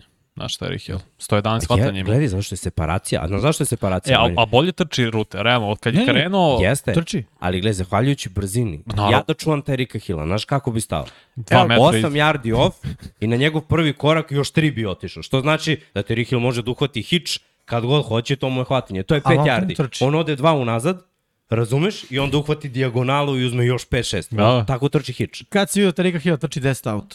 Ne trči, to, to, ta ruta ne postoji kod njega. Kad Da, si ga kapiram. video da Curl, trči... ball i slota, Ne, tako neke ne stvari. Ne, rute kod brzina. njega. Vip ruta? Nikad. Man coverage, 1 na 1, šibni ga preko, niko ne može da ga preko isprati. terena. Istina, Da, istina. I doviđenja. Tako da da, to jesu neki njegovi limiti, da tako kažem. A, Ili je, su limiti Andy Arida. Ko Možda. zna? ali su, E, znaš, baš me zanima sad da u, vidimo, u mislim, novom znaš, ajde da Da li ti ima šemi. 1300 yardi sad u Miami izdominira? Onda nije one trick pony. vidjet ćemo. ga možda Možda to Andy bude, Reid a stavio možda, u situaciju da ono bude to. da, a možda i ti 1300 yardi bude iz ono, ne znam, nija sad, 70 hvatanja, jer su sva 30 plus yardi. Možda. Ko zna? vidjet ćemo. Daj da vidimo. Znaš, sve vreme ga gledam s Mahomesom. Igra. Ovo će biti odličan test za, za obojicu, i za Mahomesa i za Hila. Da. Da imamo ko je više zavisi od drugog. Se ne varam, igrao je jednu sezonu sa Alexom Smithom, je tako? Ne, igrao je više. Ili dve. Igrao je, Igra, ali tad bio ono, brz lik Trojka. koji... igrao je 2016. 17. 18. Znači, tri godine igrao sa Alex Smithom. I onda kad je ušao Mahomes, nije 18. Mahomes? nije, počeo? 19. mislim, ili 18. 18. Ja mislim Mora da je biti, počeo. mora Evo 18. 18. Dobro, znači dve godine On zapravo bio- igrao sa Alex Smith. 18. ja mislim bio MVP. Pa je Jeste, 19. bio Lamar u drugoj godini. Da. jeste. 18. Da, da, pa Rodgers posljednje dve. Da. Da, okej, da, da, to je to. Ok. Kad pričamo o svestranosti, da uđemo u top 5 i da otvorimo sa naj, ja mislim, sve stranijim igračem koji može da bude. Da, da. Čovjek koji se ne zna dalje, mislim, ne zna se. No, brate. Receiver, running playmaker. back, šta hoćeš? Playmaker, bravo. Ej, i brutalan, i brutalan bloker Jeste. i neko ko koristi ono, džuk, ko koristi cutback, ko koristi stiff arm, ko koristi shoulder pad. Ne, ne, to je ovo što Ako ti rekao. može da te zgazi, on će, znaš, Diba Samuela nećeš da vidiš da ode 3 yarde unazad da bi osvojio jedan. Dibo će te pregazi za taj jedan. Jeste. Ili će ono da, da, da te ošamari za taj jedan. Nešto će da uradi što, što će ono da ti ono podigne pritisak da, da te natera. Zato što je Daj, Samuel ima 183 i 95 kila. Znaš, to je... Mogu ti kažem da je Terry Hill prilično napucan. Jeste, Jeste. Što se tiče mase. On je Jeste, nizak, a- je je niži, On je, ali ima nešto 175, ali je masivan. Ali tako isto Debo Samuel. Jak je, Jeste. prosto ima Ali ga. gledaj kako totalno, dru... i jedan i drugi su brzi, Da. jedan i drugi imaju brutalnu promenu pravca, znaju da lociraju loptu jedan i drugi, ali totalno drugačije Stil igre. koriste uh, ono, svoje atribute fizički. Ja Jeste. mislim da, da Dibo, znači pazi, samim tim što je stao na running backa i uspeo da nosi toliki broj yardi sa pozicije running backa Ima kao hvatač, 365 yardi. I, I 8 osam touchdownova. touchdownova. Govori o njemu da, da je mnogo fizikalniji. Znaš, to, to, to je aspekt igre koji redko koji hvatač pokazuje. Uglavnom, znaš, i jeste pametnije za hvatača iskreno da, da ne ulazi u neke kontakte nepotrebne. A To koji ne- ti, nešto koji su ti hvatači? Hm? Pitam Vojs, koji su ti hvatači koji su fizikalno, ko, ono, vole fizikale, tipa DK Metcalf, voli zašto je prosto AJ građe, AJ, AJ Brown, Brown. da. Pa da kažeš ono, Ne mogu kažem možda i Devonte Adams. Julio Jones, Devonta Adams ide da, da te izlomi. Znaš, on kao da uđe u tebe i ti ako spustiš glavu da uđeš u kontakt, on će da, da napravi fint. On je ipak ono, u glavi mu ipak basket i fint. Ali ovi ne, ovi su sivonje. Znaš, Da. o, ovo je ono, Edge Brown će te pregazi. Hoće. Neće onda džuska oko tebe. DK Metcalf, Da, znaš, pravo gledi, trči slant, safety se spušta da ga udari, DK Metcalf se spusti da se safety odbije od njega kao, kao igrač, kao lopta, kao dete. Da, da. Si gledao taj klip? On, Mm, mm. Ludilo. Znaš, Devonta Adams bi to vidio kričkom oka i mrdno bi se. Jer, jer ono, naučen je na druge stvari. On ima Aha. neki, neki drugi skill, razumeš? Da. Drugačije je svestra. Dibo, ja mislim da bi su ušao u taj duel, što je ono brutalno za njega. Ove godine, ja mislim da kome Dibo nije u top 5 ove godine, ja ne znam šta gleda. Da. Meni nije bio, ja, meni bio Evans. Da kažem da sam ni dvojku Dobro, ajde. rotirao, ajde. U odnosu na taj neki... Gej, verovatno si za Evans uzeo taj neki kao, jako radimo jednu sezonu kao konstantnost i sve to. Da. Što Dibo nema. Ovo je njegova breakout godina. Tako Da. je. Ali ne, definitivno se slažem i ono, mirne glave. Meni, recimo i da je Evans u top 5, ja bi bio, mislim, ko što je meni top 5, No. mislim da bi to bilo ok, ali ipak ono što Dibo jeste uradio ove sezoni, slažem se sa, sa ono, konsenzusom i sa vašim mišljenjem. Da kažem, tebi Dibo mesto broj 5, Ercegu, Vanji, meni je samo Evans na mesto broj 5, Dibo mi je na mesto broj 7. Iza njega mi je Hill i bio mi je Evans. Uh, ali svakako ono, mesto broj 5 i da, ono, sada kad ovako raširimo diskusiju, u potpunosti ono, M svestran, M ono, nije samo hvatač, nego je oružje, M drvo ruta kompletno, M hvatač koji češće hvata kraće, uh, uh, uh, hvaća, kraće dodavanja i pretvara u duži napredak, što je Sećaš se touchdowna protiv Dallasa. Ma Play. seti se kogoćeš da Da, ima, bukvalno. je. Da, ima. Čekaj bre, pa igrao je protiv Remsa gde je bačeno mm -hmm. ono između, iza linebackera ispred safety to je dodavanje od 15 yardi, on je ga napravio na 80. Jimmy G imao preko hilj, imao je 1000 yardi after catch od svojih hvatača. Dobro, Da, Juka, od Da, da, da. 49 se lud što se toga Da. tiče. A svi su fizikalni. Jesu. Znači, ceo korpus i ubaci i, i Juščeka Kitla, i da. Kitla, Kitla. isto svi su fizikalni. I da, I Ajuk je da, da, da. Svi Nego, znaš, fizikalni. to je taj stil i, ja to volim, ja to poštujem, meni se to sviđa. Znaš šta je jedino, uh, fumble je da smanji Dibu Seme. Dobro, znaš, mo, moraš da... Kad da toliko nosiš, kad imaš toliko toliko dodira. nosiš, da, i glej, i kad te toliko hrabre i kad si toliko lud u kontaktu. To je isto bio problem sa Adrianom Petersonom kad je na početku karijere imao fumblove zato što ulazi u kontakt kao si on, ide da te pregazi, to radi Dibo. On kad bi češće malo spakovao loptu da izbegne kontakt, ne bi pravio fumble. To da. Ali to su problemi kad doćeš yard više. Ono, to, to da ne mogu nikad zaboravim Rubena, ono, kad se napravi, ono, glupa, glupa fumble napraviš, zašto? Zašto izbegavaš jednog dok praviš rolling, ulaziš u trećeg, Za rekao, yard. e, uzeo si prvi down. Da, šta će ti još jedan? Idemo dalje, znaš, kao, uz, i bit će još, dobit ćeš loptu i dalje, znaš, nemoj da misliš kao to je to, to je jedina akcija koju imam. Mislim, nisu to toliko veliki problemi za mladog igrača. Kad se to ponavlja iz godine u godinu kad je veliki broj famblova, kao na primjer Gibson, on, znaš, dve godine već ima malo sa running backa problema s falmom, e, to je već frkica. Da, da, kapiram, kapiram. Okej, Hoćemo dalje. ajmo dalje. Samo sekund. Mesto broj 4, tak, tak, tak, tak, tak, bum. Ruki. Jamar Chase. Cincinnati Bengals. A, bilo je prilično dosadno u ovih poslednjih pet, iste imena koje se vrte. Miksa Chase, Erceg Chase, Vanja Chase, ja sam rekao JJ, odnosno Justin Jefferson. Da, pa gledaj, i razumem jedno Meni i Chase drugo. bio treći. Da, i razumem zašto bi Chase bio tre. Njegova prethodna godina je bila, sad ja hoću samo ovo da kažem zašto je meni Justin Jefferson za to jedno mesto bolji od ovoga. Zato što Justin Jefferson je prošle godine imao rookie breakout godinu mm -hmm. i postavio taj rekord. I ove godine svi znaju ko je JJ. Dylan se povredio i JJ opet ima iste brojke. Da. Ja mislim da nakon onih silnih ispuštenih lopti u predsezoni, da su ljudi mislili, a, Jamar Chase, no. vrlo brzo je on to sve zapušio sva usta, demontovo sve, ali do neke druge polovine sezone nije osetio double coverage. Istina. Tek posle osetio double coverage. Ali i tad je bio produktivan. Jeste. Sve stoji i oborio je rekord, imao je brutalnu sezonu i definitivno mm -hmm. je top 5, jer Jamar Chase je isto kompletan hvatač. Jamar Chase može da trči iz backfielda, može da trči kratke rute, duge rute, da dobro blokira. Videli smo ga u nekim blo, ono, miksom kad je trčao dva, tri navrata, pa i protiv Baltimora, ja se sećam. Chase ide i, i, i ono, bukvalno bumpuje čoveka 10 yardi unazad. Sve što sam ono, mislio da jedan hvatač treba da ima, elitnu brzinu, sjajnu karijeru na koleđu, konekciju sa quarterbackom, uh, te neke finese, jer Jamar Chase ima i finese. Znači, bilo je par ruti da, sećam se, ja mislim da je isto bilo protiv Baltimora možda gre, ili protiv Chargersa, gde je ono išao do kraja end zone, pa je krenuo ka autu, pa se vratio ovamo, sačekao Dibi da krene ovamo i samo sukopo i pustio ga da prođe. I opet se vratio da uhvati ta žan. To, to su stvari koje onaš ruki.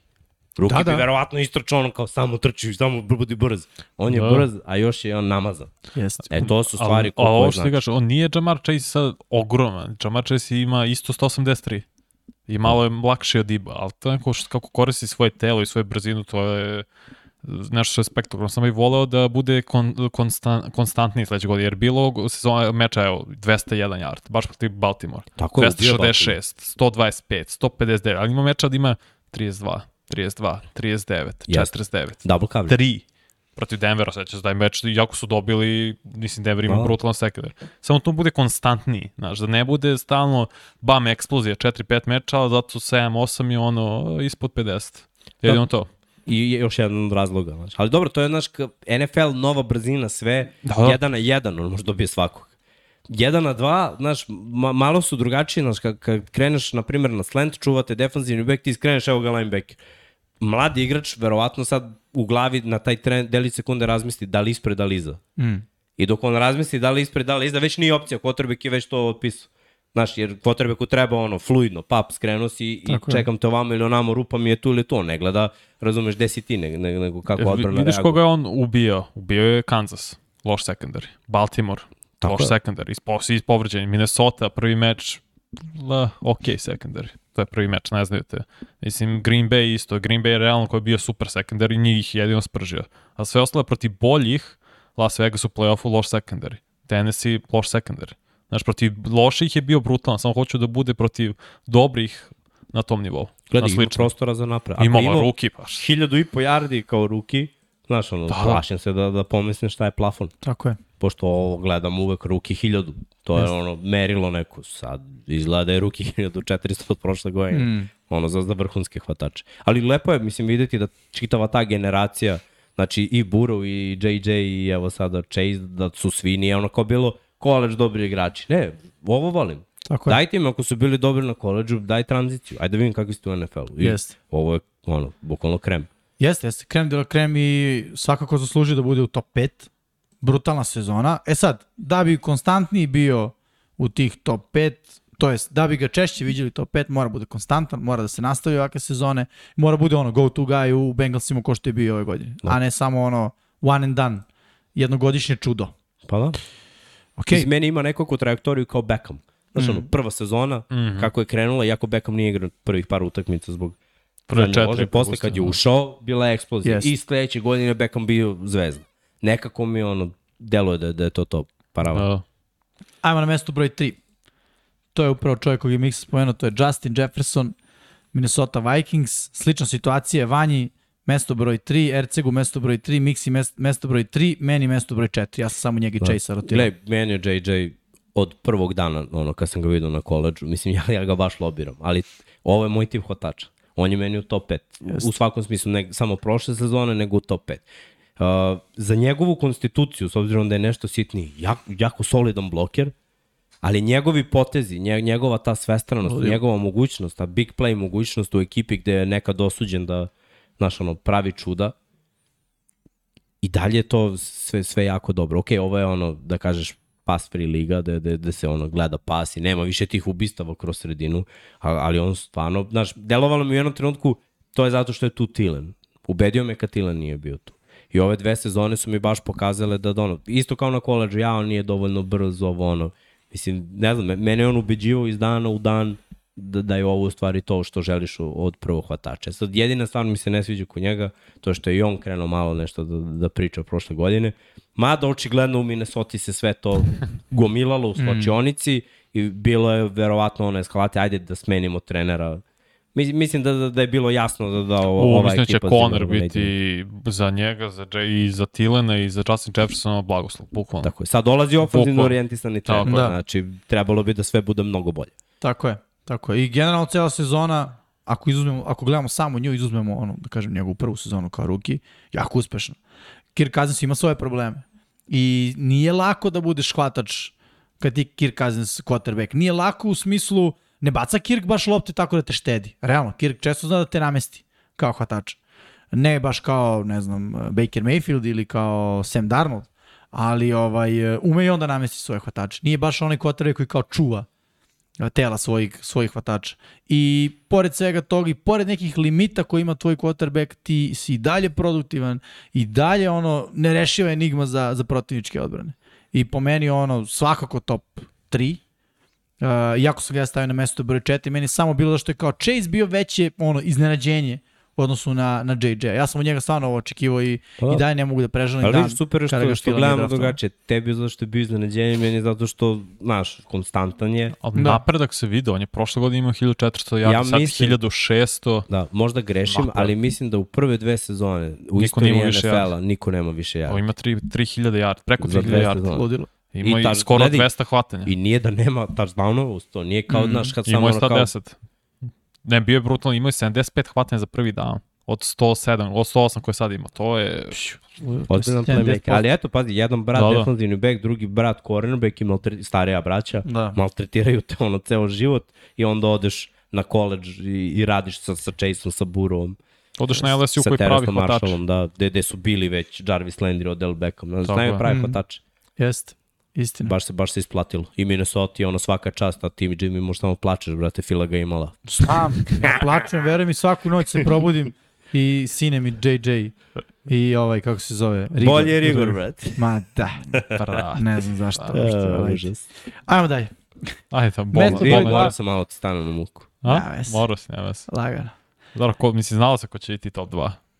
Dobro, gledaj, Devonta Adams je najbolji hvatač u posljednjih pet godina. Ono što je bio Jeste. Antonio Brown u onih pet godina, kada je on gospodario, jer imao najviše hvatanja u pet godina, najviše yardi u pet godina, najviše touchdownova u pet godina, najplaćeniji u pet godina. Sve što je moglo Antonio ima u pet godina, to sad ima Devonta Adams. A čak nije ni igrao sve utakmice svake godine. Propustio je jednu ove sve. Ove da, ali imao Da, je da. 13 pre par godina, ali opet sve je to preko 1300 yardi, kako god okreneš. I opet sve dvocifreni broj touchdownova. To je tek brutalno. I znaš da je on jedan, i u end zone, znaš, kad je Green Bay tu i Rodgers tu, znaš da je on. Znači, on, pa onda svi drugi. Da. I čovjek i dalje kida. Ali njegove rute, njegov release je takav da, da, ono, Da. I plus, znaju svi da ga iskoriste u motion. On iz motiona nerešiva enigma. Ja, Jeste. m, bukvalno, čak i ono, najbolji igrači ne, ne mogu da ga pokupe iz motiona i ta preuzimanja. Ne Dobro, dosta i, I Matt, odličan blok. Matt LaFleur isto uticao na napredak igre Davonta Adams. Sad gledam, Adams je pre 2018 imao brutalnu sezonu pre nego što je došao LaFleur. Pa onda nakon prve godine njegov je povređen bio, samo 12 utakmica, malo manje od 1000 yardi, onda ove poslednje dve dominacija žesta. Bukvalno Tako je. dominacija. I hajde da kažem, bilo je jako dosadno. Na mestu broj 20 svima bio Devont Adams. Pa Nije morao je da bude zato što je Cooper Cup odigrao najjaču, se- ono, znaš, Bukvalno sad, najjaču gledajući, gledajući playoff, Da. Cooper Cup je imao preko dve, 2200 yardi. Izvini Vanja, preko dve i po- 2300. preko možeš odmah realno da pustiš da je Cooper Cup mesto brojem, pa ćemo da pravimo paralelu, Da. realno da pričamo Može. jedno i drugo. Jer, znaš, gledamo Evo. celu prošlu godinu gledajući playoff, nije ovo glasanje za MVP-a. Znači, Da, Cooper da, da. Cup je prvo imao skoro 2000 yardi u regularnom delu sezone. Tako je. Bio ubedljivi broj 1, onda su u play-offu pojavio i rešio je tri utakmice najvažnije svojim hvatanjem. Tako je. Znači, ajde, Arizona, WC runda, piši propolo, ali sledeća utakmica koja je bila važna protiv Tampe, Cooper se pojavio yes. i ono, uhvatio taj pol za kraj, stavio loptu ono vrlo blizu da se šutne field goal, da se pobedi Evo ti kap, 478 yardi u play-off. Skoro, Za skoro- četiri meča. Da, skoro Koji mu je 2500 bio- yardi ukupno. Koji mu je bio najgori učinak u sezoni? Znači utakmica U je bio sezoni? najslabiji. U sezoni... Što uh, moj onako na, na, na Me. vizualnom momentu sam u fazonu 70 yardi. Nije mogu imati ispod. protiv Arizone imao 64. Eto. Kad ih je oduvala Arizona, ono je week 4. Da, da, na početku. Znači To je najgori utakmica je 64 yardi. to je okej. Okay. To ti kažem. To je najgore. To je no, najslabija utakmica, on mora bude ono. Ne, i bazi, MVP Superbola Da. i dva touchdowna u Superbolu.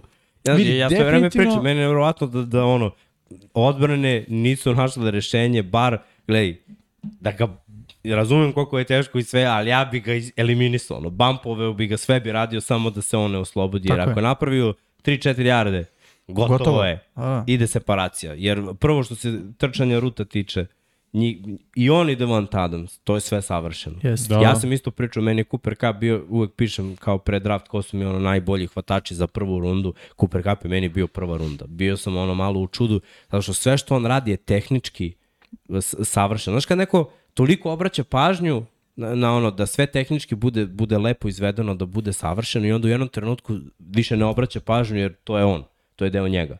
Sve što radi je ono tehnički potkovano. Odličan bloker. Njega iz onih motiona puštaju na linebackere, na defanzivne endove mm -hmm. i on završava te blokove. Mm -hmm. Znači, uopšte nije da kažeš Cooper Cup kao, na primjer, Edelman nešto sitniji. Cooper Cup nije sitan.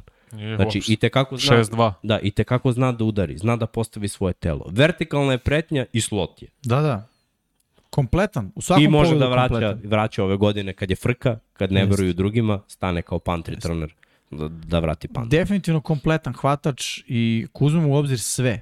I njegov doprinos ekipi, koji je ogroman, kao što i doprinos Adamsa, što Packersi će već ostiti u sledećoj sezoni. A, taj ono eye check u smislu naš igra se meč, uvek je Cooper Cup, uvek je nešto Cooper Cup, kao i Adams u svojoj ekipi s druge strane. Ali nekako taj ono, ne znam, da Ramsi nemaju Coopera Cupa, ne mogu da osvoje Super Bowl. Nikako. Packersi sa Adamsom nisu svoj Super Bowl. Bez njega neću i da pričam, mislim.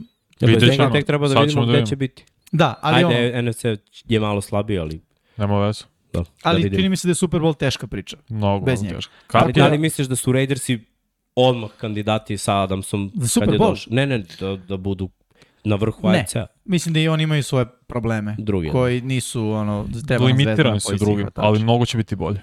Biće mnogo bolje, Mnogo ali bolje. pazi, da su, da su u NFC-u, možda bih ih katapultirao u ono, top Mhm. 2.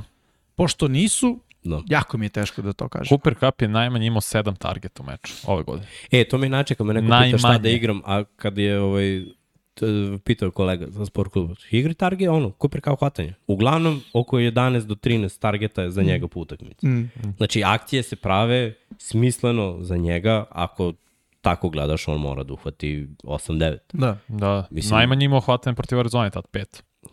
Ali uglavnom ima veliki broj targeta Ima. i uglavnom hvata sve što je bačeno u njegovom pravu. Ako Tako nešto je. ne uhvati, iskupi se posle jer napravi neko čudo Da. i ono, namunjiti 150 jardi. Imao je triple krunu, misliš. Čemu Ne, pričaš? s- s- stvarno, stvarno ove godine nije moglo, ako gledamo samo tu jednu sezonu. Ako gledamo overall, ja mislim da ja, ja moram da kažem Adams, jer Adams radi, radi čuda već godinama.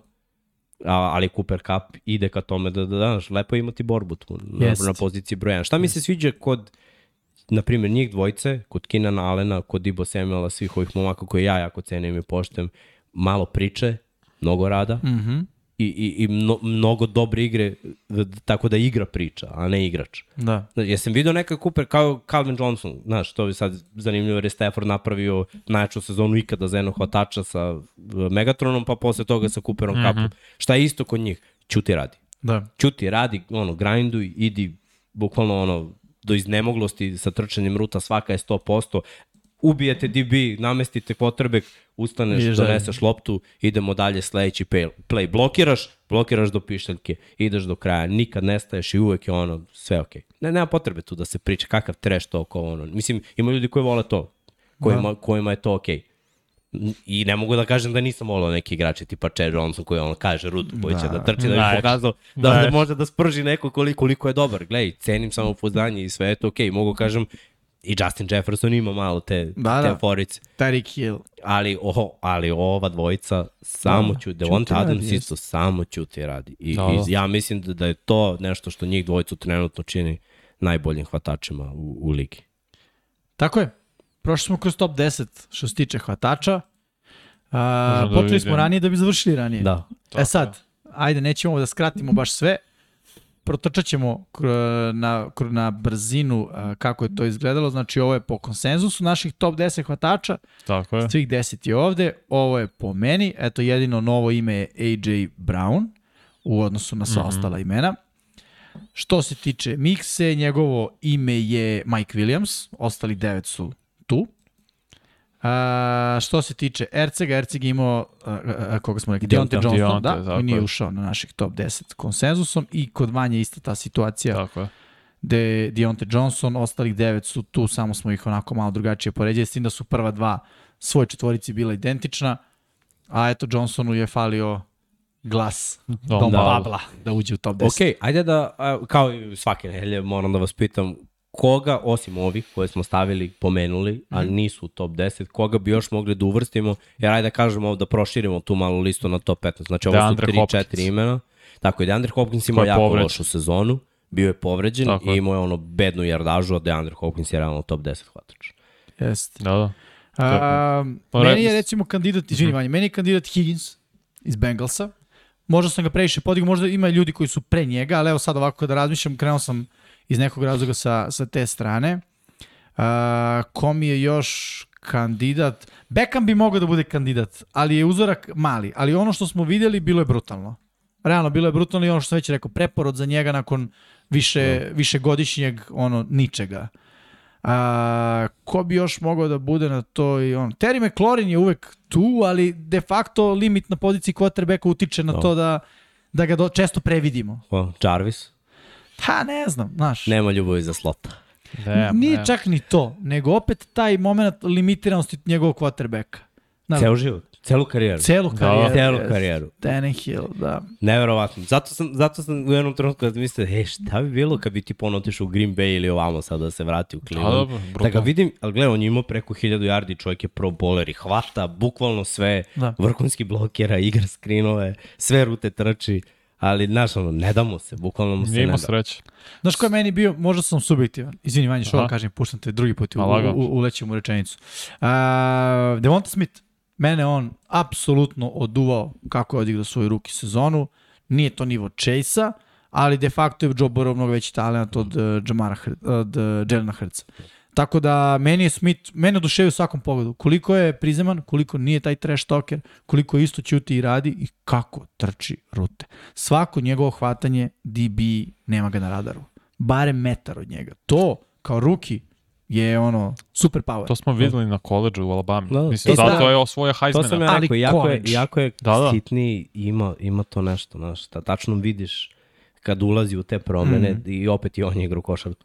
I, ima nešto u toj povezanosti hvatača Svakako. sa, sa, sa košarkom. DK Metcalf, mislim, koji je imao preko Jeste. 1000 Tyler yardi i i u crvenoj zoni je brutalan Lockett. Ali Znaš kako, ali ja mislim da DK Metcalf bi mogao sa više quarterbackova da ima slične brojke, a da je Lockett ono, vezan za... Za Dre- Russella. Za Russella Wilsona. Mislim, moram da ubacim i, mislim, rekao si Mike Williams, moram ubacim DJ Moore, koji je tu top 20, znaš. Da, DJ Isto- Moore nekoliko sezona bio top 5 po broju. Tako je. Ne prošle, ali... Da. Prošlo ono, i opet A- imao preko 1150 A yardi. znaš šta bi recimo meni rekao da i DK Metcalf i Lockett, ja sad pokušavam setim, koliko oni ruta hvataju ka autu? Vrlo malo. A znači, fade ne računam, fade nije out ruta, mislim, A. to je on pravolinijska ruta. Znaš, koliko ih vidiš da toče 5 out, 10 out? Corner čak. Lockett je prepost lik Da, nego Lockett, corner. Lo- Lockett i, i zna, ali I zna, DK okej. je slabiji. Ali, znaš, to, to, to mi Ali smeta. to, pazi, to, to je malo i Seattle. I Jeste. sistem. Jeste, Volio bi da vidim, ali Znaš, od, od McAfee mogu da vidim sa njegovom fizikalijom slažem se. i sa njegovim nekim Ali napretkom. njima će sada strada statistika. Mislim, Možda. objektivno A, gledano. vidit možda. Vidi, možda ovo bude bila e, James gledaj. sezona za njih. Tako je, ali znaš šta je kod Drew Locka? Mislim, pazi, kad je uh, James igra u Tampi 30-30. Evans i Gardner su imali brutalnu sezonu. Tako je, Jeste. A tako je. Tampina sezona je bila krš, a Lok je isto lud kao i James. Jest. Lok, gledaj, se ne plaši da baci, ja to poštujem kod njega. Samo što često baci lo, loš coverage, pa baci ono 50-50 loptu A defensivno back, ali DJ da Moore baci. u poslednjih evo, tri godine, svaka godina je skoro 1200 yardi. Tako je. Ne, to, On je tu, top 20, ali i on igra slabim, sa slabim quarterbackom, znaš. Mislim, igrao je prošle godine koji je Da. bio Sam Darnold i još dvojica, ne, ne, ne mogu da ih nabrojim. Da, da nije suspendovan i da nema Tako. problema sa, sa glavom. Calvin Ridley je meni isto talent ko, koji je ono top 20. Jeste. Ali, mislim, Da. on A je... Mari Cooper, A Mari Cooper, tako je. da, CD Lamb, CD Lamb. stavio bih i CD Ima Lamb. top, CD Lamb ima u- 1000 yardi ove godine i napravio lep progres u odnosu na prošlu. Jeste, ima I ima, 1100. on je isto svestan, samo ono, još je mlad, još, još mora da, da zeleni. Slažem se. Ima mnogo hvatača. Stvarno možeš realno da se napravi top 20 lagan. Da. Sa svim ovim Kaže, Ali- ali bi bilo čupavije Ne, sve i da. čupavije između 10 i 20. Jimmy, Jimmy bi, ne bi mogao da baca ove formule njega. Teško bi to Dobro. bilo. Soft se ćemo da govorimo na neko pitanje pa da, da se razilazimo. E, pre nego što odgovorimo na pitanje, da kažemo ljudi, like, subscribe, Tako ajde da vas bravo. pozovemo, to voli uh, algoritam, voli YouTube, tako da bacite like, ne znam koliko trenutno ima lajkova, Vanja mi je rekao, nećeš ti večeras imati laptop, ne znam zašto. To, Ovaj, to će mikse, betim to. malo. Šalim se, šalim na stranu, ali stvarno lupite like, uh, naravno ako vam se dopada, subscribeujte se, uh, imamo Patreon, to već znate, nismo Srđan Erceg, ali mogu da probam, u smislu da vas pozovem da nas podržite na sve moguće načine. Takođe, ono, uradite nešto dobro u vašoj, uh, vašoj zajednici, u vašem okruženju, šta god to bilo, pomozite nekom, uh, budite nekom uh, podrška i ovaj... Uh, Erceg definitivno Ne, da, ne, Ne, ali dobro si krenuo. on E, je, ali, da, ali dobro si krenuo. Bukvalno kao da si čitala, znaš. Da, ali I dobro. je- idiota, da. I odjednom je samo bilo, sam bez dalje. gasa. da dalje kaže. E, a znaš što možeš kažem, i Michael Thomas, kad bude bio zdrav, Neka bude Da. igrao. Dobro, Kad to, bude igrao. pazi, oni su svi bili u top 10 u jednom trenutku. tako je. Tako je, tako je. Tako E, da, imam jednu e, vest. Kaži. E, kreće domaća liga američkog Da, futbala. juče smo pričali o SK NFL sport klubu i eto možemo kažemo ovaj vikend za sve ljubitelje američkog futbola Tako je. u Srbiji ima Krećemo. uh, za ovaj vikend tri utakmice se igraju. Tri, da. da. Tako da dve se igraju u Beogradu, jedna u Jajincima, jedna na IMR-u u Rakovici i jedna na pomoćnom stadionu Čikadača u Kragujevcu. Tako, jedna se igra sutra, to je Vukovi protiv uh, ekipe Kikinda Mamoc u 15.15 na IMR-u. Uh, ako odlučite da dođete, ulaz je 200 dinara i polovina prihoda ide u dobrotvorne svrhe. Već smo pričali o malom Vukašinu. Uh, tako da, eto, znate, ima i taj humanitarni karakter. S druge strane, rekao si utakmicu u Jajincima, čini mi se nedelja, Da. stadion uh, FK Heroj u, čini mi se, 15 časova Da, možda, ili 16. da. E, sajt sa, Tako Safa i sajt proverite Plavi to. Zmajeva, Tako proverite. je, Instagram, sve, sve to sigurno piše, konačno publika dozvoljena na Tako, tribinama. sve je legit. Konačno ono i lepo vreme, proleće je došlo, nedostajalo nam I- je. Dubijete vreme od NFL-a malo domaćeg Tako. futbola. I u Kragujevcu uh, White Borsi protiv Black Hornetsa, mislim, nedelje sigurno, mislim da je recimo 14 Da. časova, tako nešto. To Ali proverite, slučaju, ne držite na zareš. da, da, proverite, uh, idite pogledajte, ako nikad niste gledali američki futbol uživo, idite pogledajte, bit će vam zanimljivo, uh, nema reklama. Čisto da znate. Ide mnogo brže i možete Jest. da dobacujete svašta s tribina. Tako je, Niko tako je. neće ništa. Niko neće ništa uraditi, s druge Možete strane, popije pivo, pojedu seminkice, gigiriki da, i sve, ostale I za, cepe. za zubi. Sve, sve je tu, ovaj, aj kažem, imate priliku da gledate uživo, pogledajte, e, drugačije preko televizije, drugačije uživo, možda se oduševite, možda se malo razočarate, ali svako ćete podržati momke koji naporno treniraju i koji ovaj sport održavaju, da kažemo, živim u ovoj zemlji u tom smislu a, igranja, ne samo sedenja ispred TV i gledanja. Lepo, Bravo, bravo, kako si promoter. Bez idiota čak. Bez Da, idiota. da. Da, da. Ovo mu je lako, znaš, ovo kao da drži posle treninga. Ono. da. Kratak govor. samo, da, samo dve, tri reči. Ima li Vanja neko highlight pitanje? Pitanje je šta je sa Landrijem i kako to da ga niko nije još potpisao, pita Marko. A, verovatno, znaš kako, cena zahvatača iz, iz outside i slota je ono različita i, i zbog toga se verovatno tu razmata. Druga stvar, dolazi draft klasa koja grmi, znači ima ih desetorica koji mogu da igraju za mnogo manje para. Isto. I onda to ubija, jeste on veteran, ja verujem da, da nekim timovima baš treba veteran, a ne nekog da praviš, kao što je Green Bay. Mislim da Rodgers Da, da. i mladi hvatač su problemi, a Rodgers je neko ko već razume odbranu. Jer Rodgers ponekad, kad je u problemu, oslanja se na hvatača da pročita odbranu Da. i da nađe neku rupu ili da mu govorom tela kaže baci mi u tu rupu, iako trenutno nije tu. Mlad hvatač to ne radi. Redko koji radi, znači to ono sam, samo vrhunski. Uh -huh. I ti moraš tu ono, to je Rodgers, nema strpljenja, ja moram to da kažem. U svih svojih vrlina kao quarterback, strpljenje, to, toga nema. Čovjek ako nije tu, u prvoj sekundi lopta ide ili u noge ili u aut. Da. Redko kad on, daje ono sad- šansu da, da, da bude na Aj zanimljivu perspektivu. Šta je dobro za Jarvisa Landrija?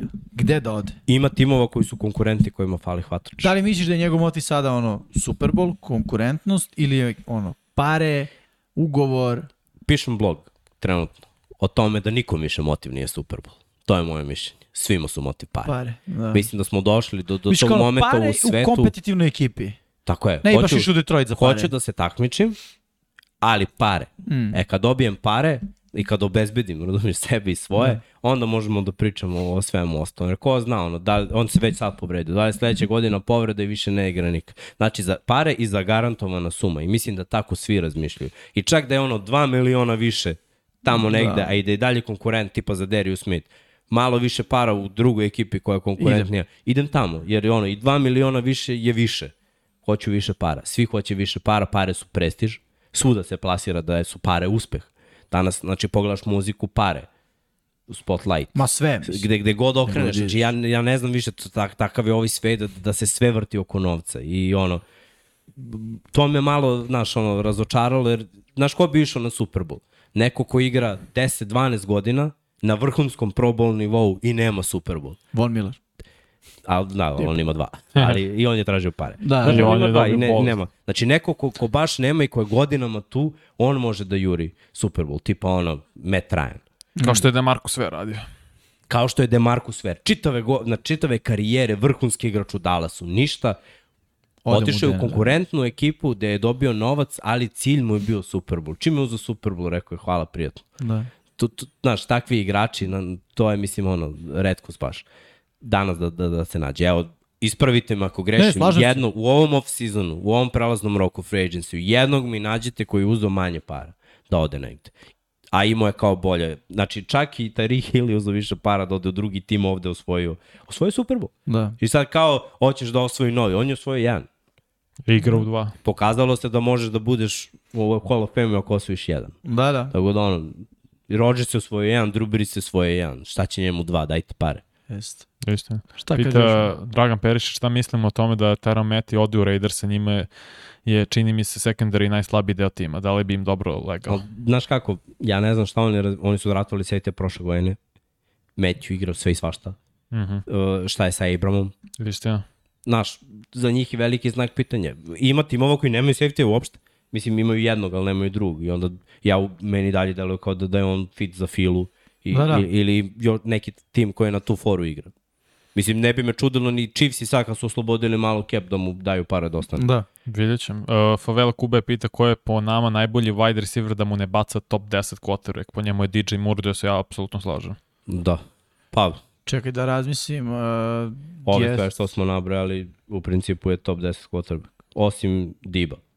Da, Da. da. ko je Jimmy, ali ko ima od Kyle Shanahan? Hm? Ko ima Kyle Shanahan? Mislim Dibo, kao ofenzivnog guma. Dobro, ajde, dobar je trener, ali pitao je baš za quarterback. Da. Quarterback mu Jimmy G, brate. Istina. To mu je ono. Da. Isto je, nije top 10, meni nije Jimmy G ni Nije, top nije, 15. ali Nije. ovde DJ Mura jeste odlično, odlično onako podvučeno, jer njegov quarterback je stvarno ono kantica. Da. Može i Luka, preveden, pita šta će ko, uh, Green Bay sa pozicijom wide receivera. Samo draft nije dovoljno. Da li će pecati DK ili uh, Jarvis? kantica. Nema šta mislim Pa za DK DK. nije slobodan agent. A I Seattle je rekao hoće da ga produži. Da, da, pa Pa, Seattle on je treba sad zvezda. lice franšize. Da. Tako je. On je ono mlad, ludi, to im treba. Ali što se tiče Jarvisa, ja mislim da je to idealan fit. Sad ne znam šta oni hoće. Jarvis je prvi vrhunski mismatch igrač. More. I može da se uklopi u sve to. A i mo, na draftu stvarno moraju da ubodu baš ozbiljno hvatače. Ali ja bi, I to ja bi je- i hvatača i Jarvis. Da, To oboj. je ono moja ideja. Imaju pikove, mislim. Imaju dva pika u prvoj rundi sad. Da. I tačno da popuniš. Mada, Kad je Green Bay posljednji put draftao hvatač u prvoj rundi? Pa Uf, nije, ali kad je u- draftovo nije u drugoj u rundi. eri Aaron Rodgers nikad draftovao. Ali, znaš, nekad neke stvari moraš da, da promeniš. Ne, ne, slažem se, ja sam poklonik toga, Devonta ali... Adams je bio druga runda, ali ovaj vrhunski Da. pik. Da, da, svakako. Uh, o, idemo dalje. Isto pita Dragan Perišić, zanima me kako je mišljenje o Michael Pittman Jr. Da on misli da će uz Matt Ryana da ima potencijal da bude Hoće, top da, 10. jer je ove Da. godine već napravio iskorak Jeste. sa Vencu. Znači, sledeće godine... Mhm. Ja mislim da će on sledeće Da. godine biti brutalan. On je zver, on je zver. On je ono, baš zvezda u usponu. O, od njega očekujem mnogo sledeće godine. Naročito Ryan se uvek zaljubi jedno hvatače, eksploatiše ga. Mm. Tako je bilo s Kulijom prošle godine. Ovo što je Pic imao, to je Ryan. Ryan kad vidi nekoga komu... A Ryan uvek pronalazi takve hvatače. Mis meč ogromne. Tako je. Neko ko pravi razliku. I onda eksploatiše. Ono, I Ryan stvarno zna da stavi loptu da treba. Jeste, odlično pitanje i da, slažem se potpuno. Čelik, Zenica, da li Eaglesi dižu ruke od Hrca, ne dovode opciju u napadu, peglaju ugovori, Ne. pove, povećavaju se, šta povećavaju, aha, salary cap i da dovedu Paskala kao wide receiver. Nika, Pa, doveli- su Pascal, Doveli to nismo rekli, da. da. Da. A ovaj, ali dobro, Pascal je ono još, još Ništa jedna opcija. da. Mada, znaš kako, ja gledam Filu ovako. Rebuild playoff team. Tri pika u prvoj rundi. Oni, ovaj, znaš, imaju draft Tako je. i u rebuildu su i bili su u playoffu i opet Nema ih vidimo da daju velike mi- pare. Da. Realno, mislim, imaju već na poziciji tight enda, kako se zove? Nije njihov- Gadar, tako je, Nije Devonta. Smith. Nije njihov prozor, znaš. Nije, nije. Njihov prozor je Draftu, njihov prozor draftu je- wide receiver. Tom odu penziju, Stafford ostari, Rodgers ostari. E, sad je Sad naše smo mi. vreme. Tako Da, da. je. Sad mi. A, samo bih rekao, da li dižu ruke od Hrca? Ne, mislim da ne. Mislim da kad se budu dizali ruke od Hrca, to će svi znati. Da. Tako o, je. Neće biti kao ovako, kao tiho u tom smislu. Ove godine je bilo nekih priča, ali mislim, ljudi, da se ne lažemo, 20 timova bi diglo ruke od Kotrbeka da zaigra Deshaun Watson sa 26 godina i njegovim potencijalom. Da, Tako je. Bukvalno. bukvalno, a bukvalno to tako, jer stvarno Deshaun Watson je top 10 quarterback jeste. I to je, mislim, ti ako nemaš top 10 quarterbacka, ti odmah daješ sve za njega. Tako je. I druga stvar, nije mi baš ni kao logično sad, kao napuni Hrca opcijama. Nije kao baš da on nema opcije. Znaš, sve je tu bilo. I prva godina Sirijanija, ispostavljanje sistema i traženje identiteta što tiče igre po zemlji. E, malo ono, znaš, mislim da su i oni zadovoljni oni što je Hrc pokazao. Mislim da su oni od Hrca tražili upravo ovo što je on dao Da. njima ove godine. Li im dao liderstvo? Dao je... Dao je nešto. Pa, dao je, ne, dao je, znaš šta ja mislim da je dao? Dao je neku konstantnost. Jeste. Ti si znao šta ćeš da dobiješ. To nije bilo flashy. I ti si znao kad bude naišla odbrana koja će da postavi dobru strategiju protiv tebe da ti neće imati šanse, ali si isto tako znao da, ti, da Hrc neće prodavati tako lako lopte. Mada je bacao stvari interceptione, nije da No nije. dobro, bilo je, znaš kako, uzajamni rast je neophodan. Da. Ra hvatači moraju da rastu zajedno sa Hertzom, dok ovaj napad koji je implementiran, znaš, mora, mora da ono sazri u ekipi. Da. I to je to. Znaš, sve je bilo, oni su mladi, a novi je sistem i svako mora da individualno napreduju. Ja ih nisam vidio u play-offu, iskreno, sa svim tim problemima predsezone, ali neke ekipe jednostavno reaguju dobro. Da. Sad daj, ova godina mora bude ista kao prošla i to je dalje uspeh za Phil. Jeste. Slična godina play-off. E, Jeste. onda one tamo godine je već druga priča. Jer, znaš što isto Fila ima, da Mislim, kažemo je mali... na ruki ugovor, bre, još, još dve godine. Da. Tako je. Znaš što je isto kod File mali problem? Ne, ko je tamo najveća zvezda? Nemaš baš. Da. Fletcher Cox, ali od njega više ne očekuješ toliko. Znaš, pritom ne igra toliko flashy pozicije. U njegovoj poziciji najveća zvezda u ligi je Aaron Donald tačka. Nema drugog igrača. Da. ono, Da je neka super, super zvezda. Samo Aaron Donald, a čak i Donald igra u takvoj ekipi gde ono imaš još par zvezda ispred njega, tipa Cooper Cup sad, ono. Da. A, Da. Tako da, i to je u Fili malo ono, znaš, nije kao, e, on ima super zvezdu, super tim, traže quarterbacka. Nije baš tako. Traži se uh, korak napred od cele ekipe. I to je jedino što će Fili da donese neki dugoročni procvat. Oni sad da su doveli Meta Ryana, šta kao neki kao Fila, kao bilo bi u playoff ekipa. Ne.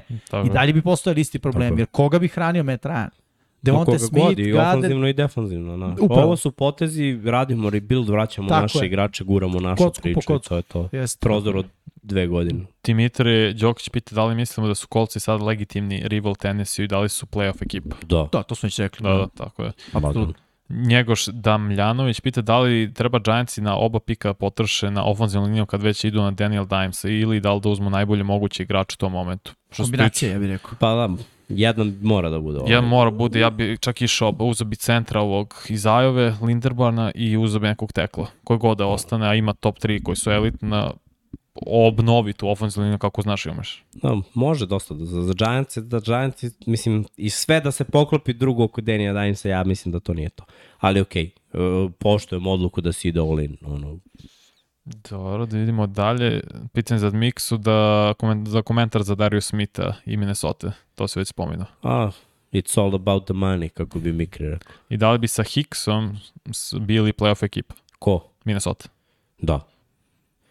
Da, da, da. Gledaj, s Hicksom, trčanje s polja ide tečka za Darius je ono kompletan spoljašnji linebacker. Za Darius je dobar što se tiče raša i što se tiče run stop. I onda kada dodaš ovo ostalo što oni imaju, mislim, Minnesota ako sklopi defanzivnu liniju, oni defanzivnu liniju nemaju godinama kad su imali, mm. bili su playoff ekipa. Jesu. Mislim, imaju sad druge trenere i sve to, ali sve kreće od defanzivne linije. Opet, u njihovoj diviziji sa NFC-om koji je baš mm -hmm. bedan, dovoljno je da, da ono, uđićeš u sedam, znaš, dobiješ Chicago, Detroit, jednom, oni uvek jednom dobiju Green Bay. Sa, sa boljom Tako je. ekipom, zašto da ne? Pitanje za mene, šta mislimo o Kyle Hamiltonu, o safety, linebackeru, sve, da li je stvarno toliko dobar da bude eventualno top 5 pick? Daj kameru na sebe, Vanja. Ne, lep, lepše mi ovako kadar. Možda Nije, kada nije lepši, problem. ali je ovo, Jeste, jeste. kada. Ali ja mislim da bi čak i Detroit mogu sa drugim pikom da izabere Hamilton. On mi baš podsjeća na Derwin Jamesa, to je ta igra koja može da igra linebacker, safety, corner, sve pokriva na terenu odbrani. Mnogo mi se viđa kao pik i mislim da bi top 5 sigurno će biti. A i Sos Gardner je ovaj cornerback uh, sa Cincinnati On je tu top, je, top 10, mislim da će biti. Cornerbackovi su ono baš u On, potražnji. Stingley sa LSU, McDuffie, ima ih. Može vrlo lako da se desi da neke ekipe kojima treba corner, koji su bile dobre mm. -hmm. prošle godine, uh, se spuste, to jest podignu na draftu da daju neki, neke pikove ili tako nešto. Naprimer Chiefs, koji su dobili nešto od uh, Da, da, Majamija i treba im corner, Da. neće oni čekati svog pika ili ono Miami. Ako krenu ima da top odlaze. 5 pikova, realno, koji ima pet zapravo cornerbackova koji treba budu u prvoj rundi. To do. A da li će doći do Chiefs, to je drugo. I pitanje za tebi da li bi ti dao 30 miliona hvatača koji god daje. Ne, ali naš tržište ide u tom smeru da uskoro će 30 biti. Sad, je, sad nije ni 30, sad je 25. Ali, znaš, to je to. Gle, Cooper Cup te kad bude potpisivo ugovor, to je novi Ali najplaćeniji Cooper ugovor. Cup ima sad 28 godina. Znam, ali gledaj, nema veze. I dalje je produktivan. I, i bit će produktivan. Jer njegov stil igre ne zavisi preterano od brzine, nego od skilla. A takvi igrači koji igraju na skill, oni mogu da igraju do, do ono, 30 i posle. To je Još- ono dobro za njega. Još nekoliko brzih pitanja. Miksa, koja ti je omiljena pesma protiv BG? E, Sviđa e, mi se ovaj e. liči. Da, pa, pa dobro, ima ih. Um, Andrej straight no more. Rakić. Straight no more. Ok, ajmo dalje. Uh, mog draft će biti, pita Vojislav Andrej sledeće nedelje, koliko verujem u Trey Lance? Ne znam. I Nisam gde vidio vidimo, i gde vidimo Jimmy G-a, pita Dimitrije Đokić. Znaš šta je najjače? U San Francisco. Sad kad se sve ovo izdešavalo. Mislim da neće. A gde? Ne znam. Znaš, nisi ne znam ko će da ono, Karolini, otko znam. Znaš, pričali smo Baker, Karolina, a realno zašto nije bio Jimmy G? Što San Francisco hoće ga trade? Baker će bude katovan. Jimmy G neće. Tako je. Znaš, zato što Bakera će katovati jer imaju bolju opciju. Mm. A ovde, ja mislim da ni Shanahan ne zna šta je sa Lensom, verovatno su teli da ga utope, niko nije hteo. Misliš Jimmy G? Jimmy G, da. ništa nije prošlo od onoga što su oni tražili, onda razmisliš, pa okej, okay, ako ono, znaš, mora da bude ta, ta borba i to neka čeka Ali Lens to je još jednu večni godinu. limit. Ne, ne, nisam, mislim da se to neće desiti. Znaš, to je večni limit. Stavljaš limit na... Imaš limit u Jimmy G i stavljaš limit na Lensa. Kažeš mu, ej, nećemo još, znaš, nemaš još zeleno sve. Mislim Mislim o, da nije prodaš bilo... priču, Rodgers je čekao dve. Rivers ako Jeste, tri. ali čekaju za Farva, a ovaj čeka i za Jimmy G. To je Velika razlika. Bravo. To je velika E, razlika. upati- Ne, evo, može, ne, pro, ne kupuje priču. A? Baš, realno ne. Tako Evo da, za tebe, Jimmy, izvim što prekam, poslednje pitanje od DK i da Eagles i žele Gilmora, šta mislimo, da li je dobar fit? Da, ne svega treba im, ali ne treba im Gilmore, imaju Sleja, imaš jednog. Imaš da, ali ako Mislim- bi imao dvojicu. Pa znam, ali za, ne, ne znam, ne znam šta će znaš. Dobro, Fila bi morala da razvije drugog ako ne dovedu nekog veterana. Da, ali znaš kako ja razmišljam, u njihovoj diviziji, ok, Dallas je nezgodan.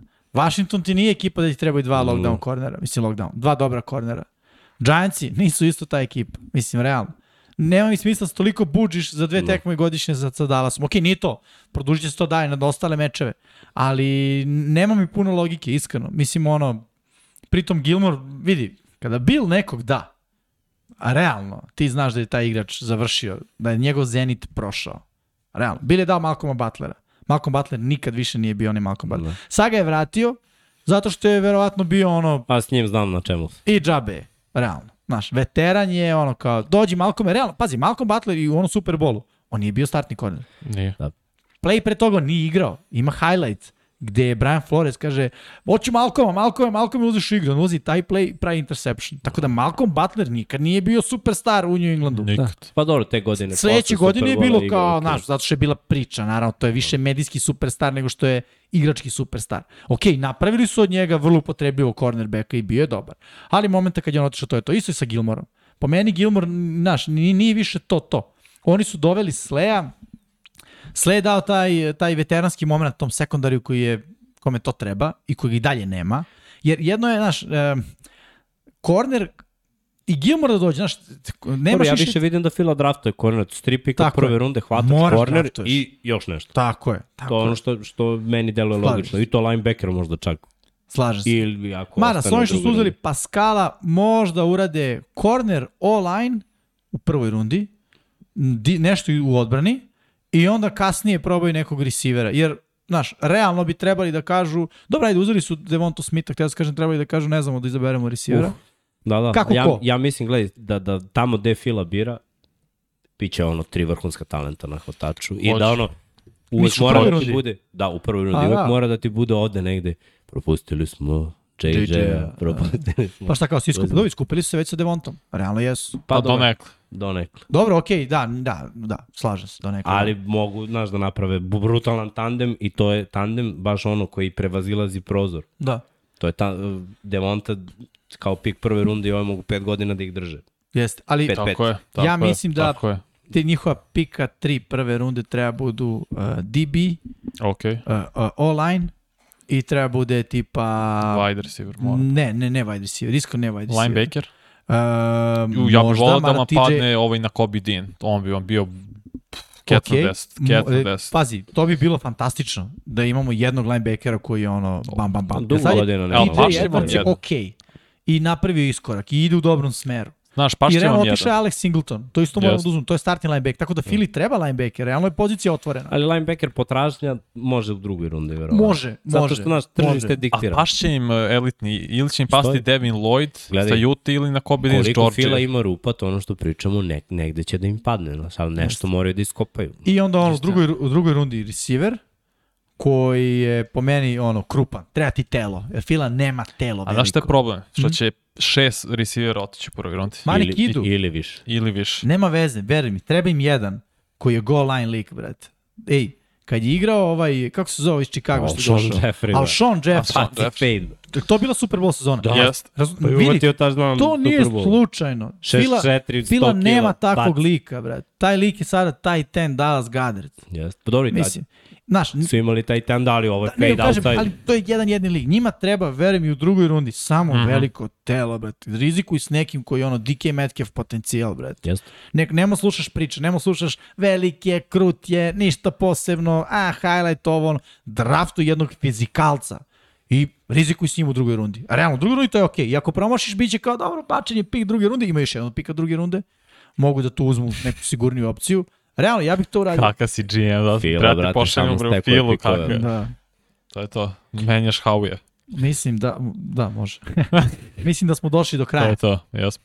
Puci, Može. puci, Ding, ding, ding, čime? Aha, ja moram, a? A ti, Ajde, brate, iz profila. Šalim se. Ovaj dan ste uživali u ovom podcastu. Danas sam da delite naše mišljenje što se tiče hvatača. Mislim da ono što se tiče top 5, ovde prvi put nismo imali ono, da je nešto diskutabilno Da. za quarterbackove, ja mislim da je bilo ono malo ko je najbolji i za, Jest. za running backove, za hvatače mislim da je bilo očigledno mm. baš ono kao, jasno kao dan ko je najbolji hvatač. Tako je. Uh, like, subscribe, evo mo- možemo da se pohvalimo, znači još jedna lepa stvar nam se desila, 15.000 subscribera. Hvala ljudi. Znači, Tako je. rastemo u svakom smislu, rastemo sa vama, ne bi mi bili tu da vi niste tu i Tako je. uh, što je više subscribera, što je više lajkova, što nas više pratite, to samo bolje stvari mogu da se dese za nas, a samim tim pošto volite da gledate i za vas. Mislim, i ovo priznanje koje smo dobili, koje ovo više nije tamo pored desne nije, strane, nije.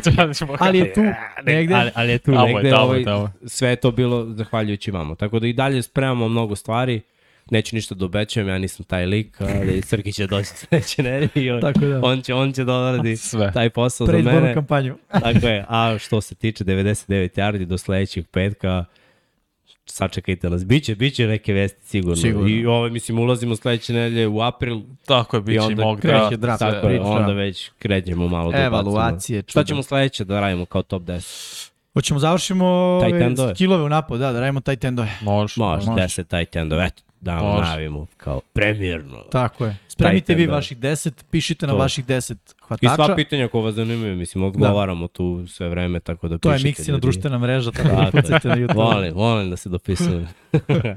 tako da ovaj, ostanite dobri i nastavite da pratite Infinity Lighthouse Studio. Veliki pozdrav.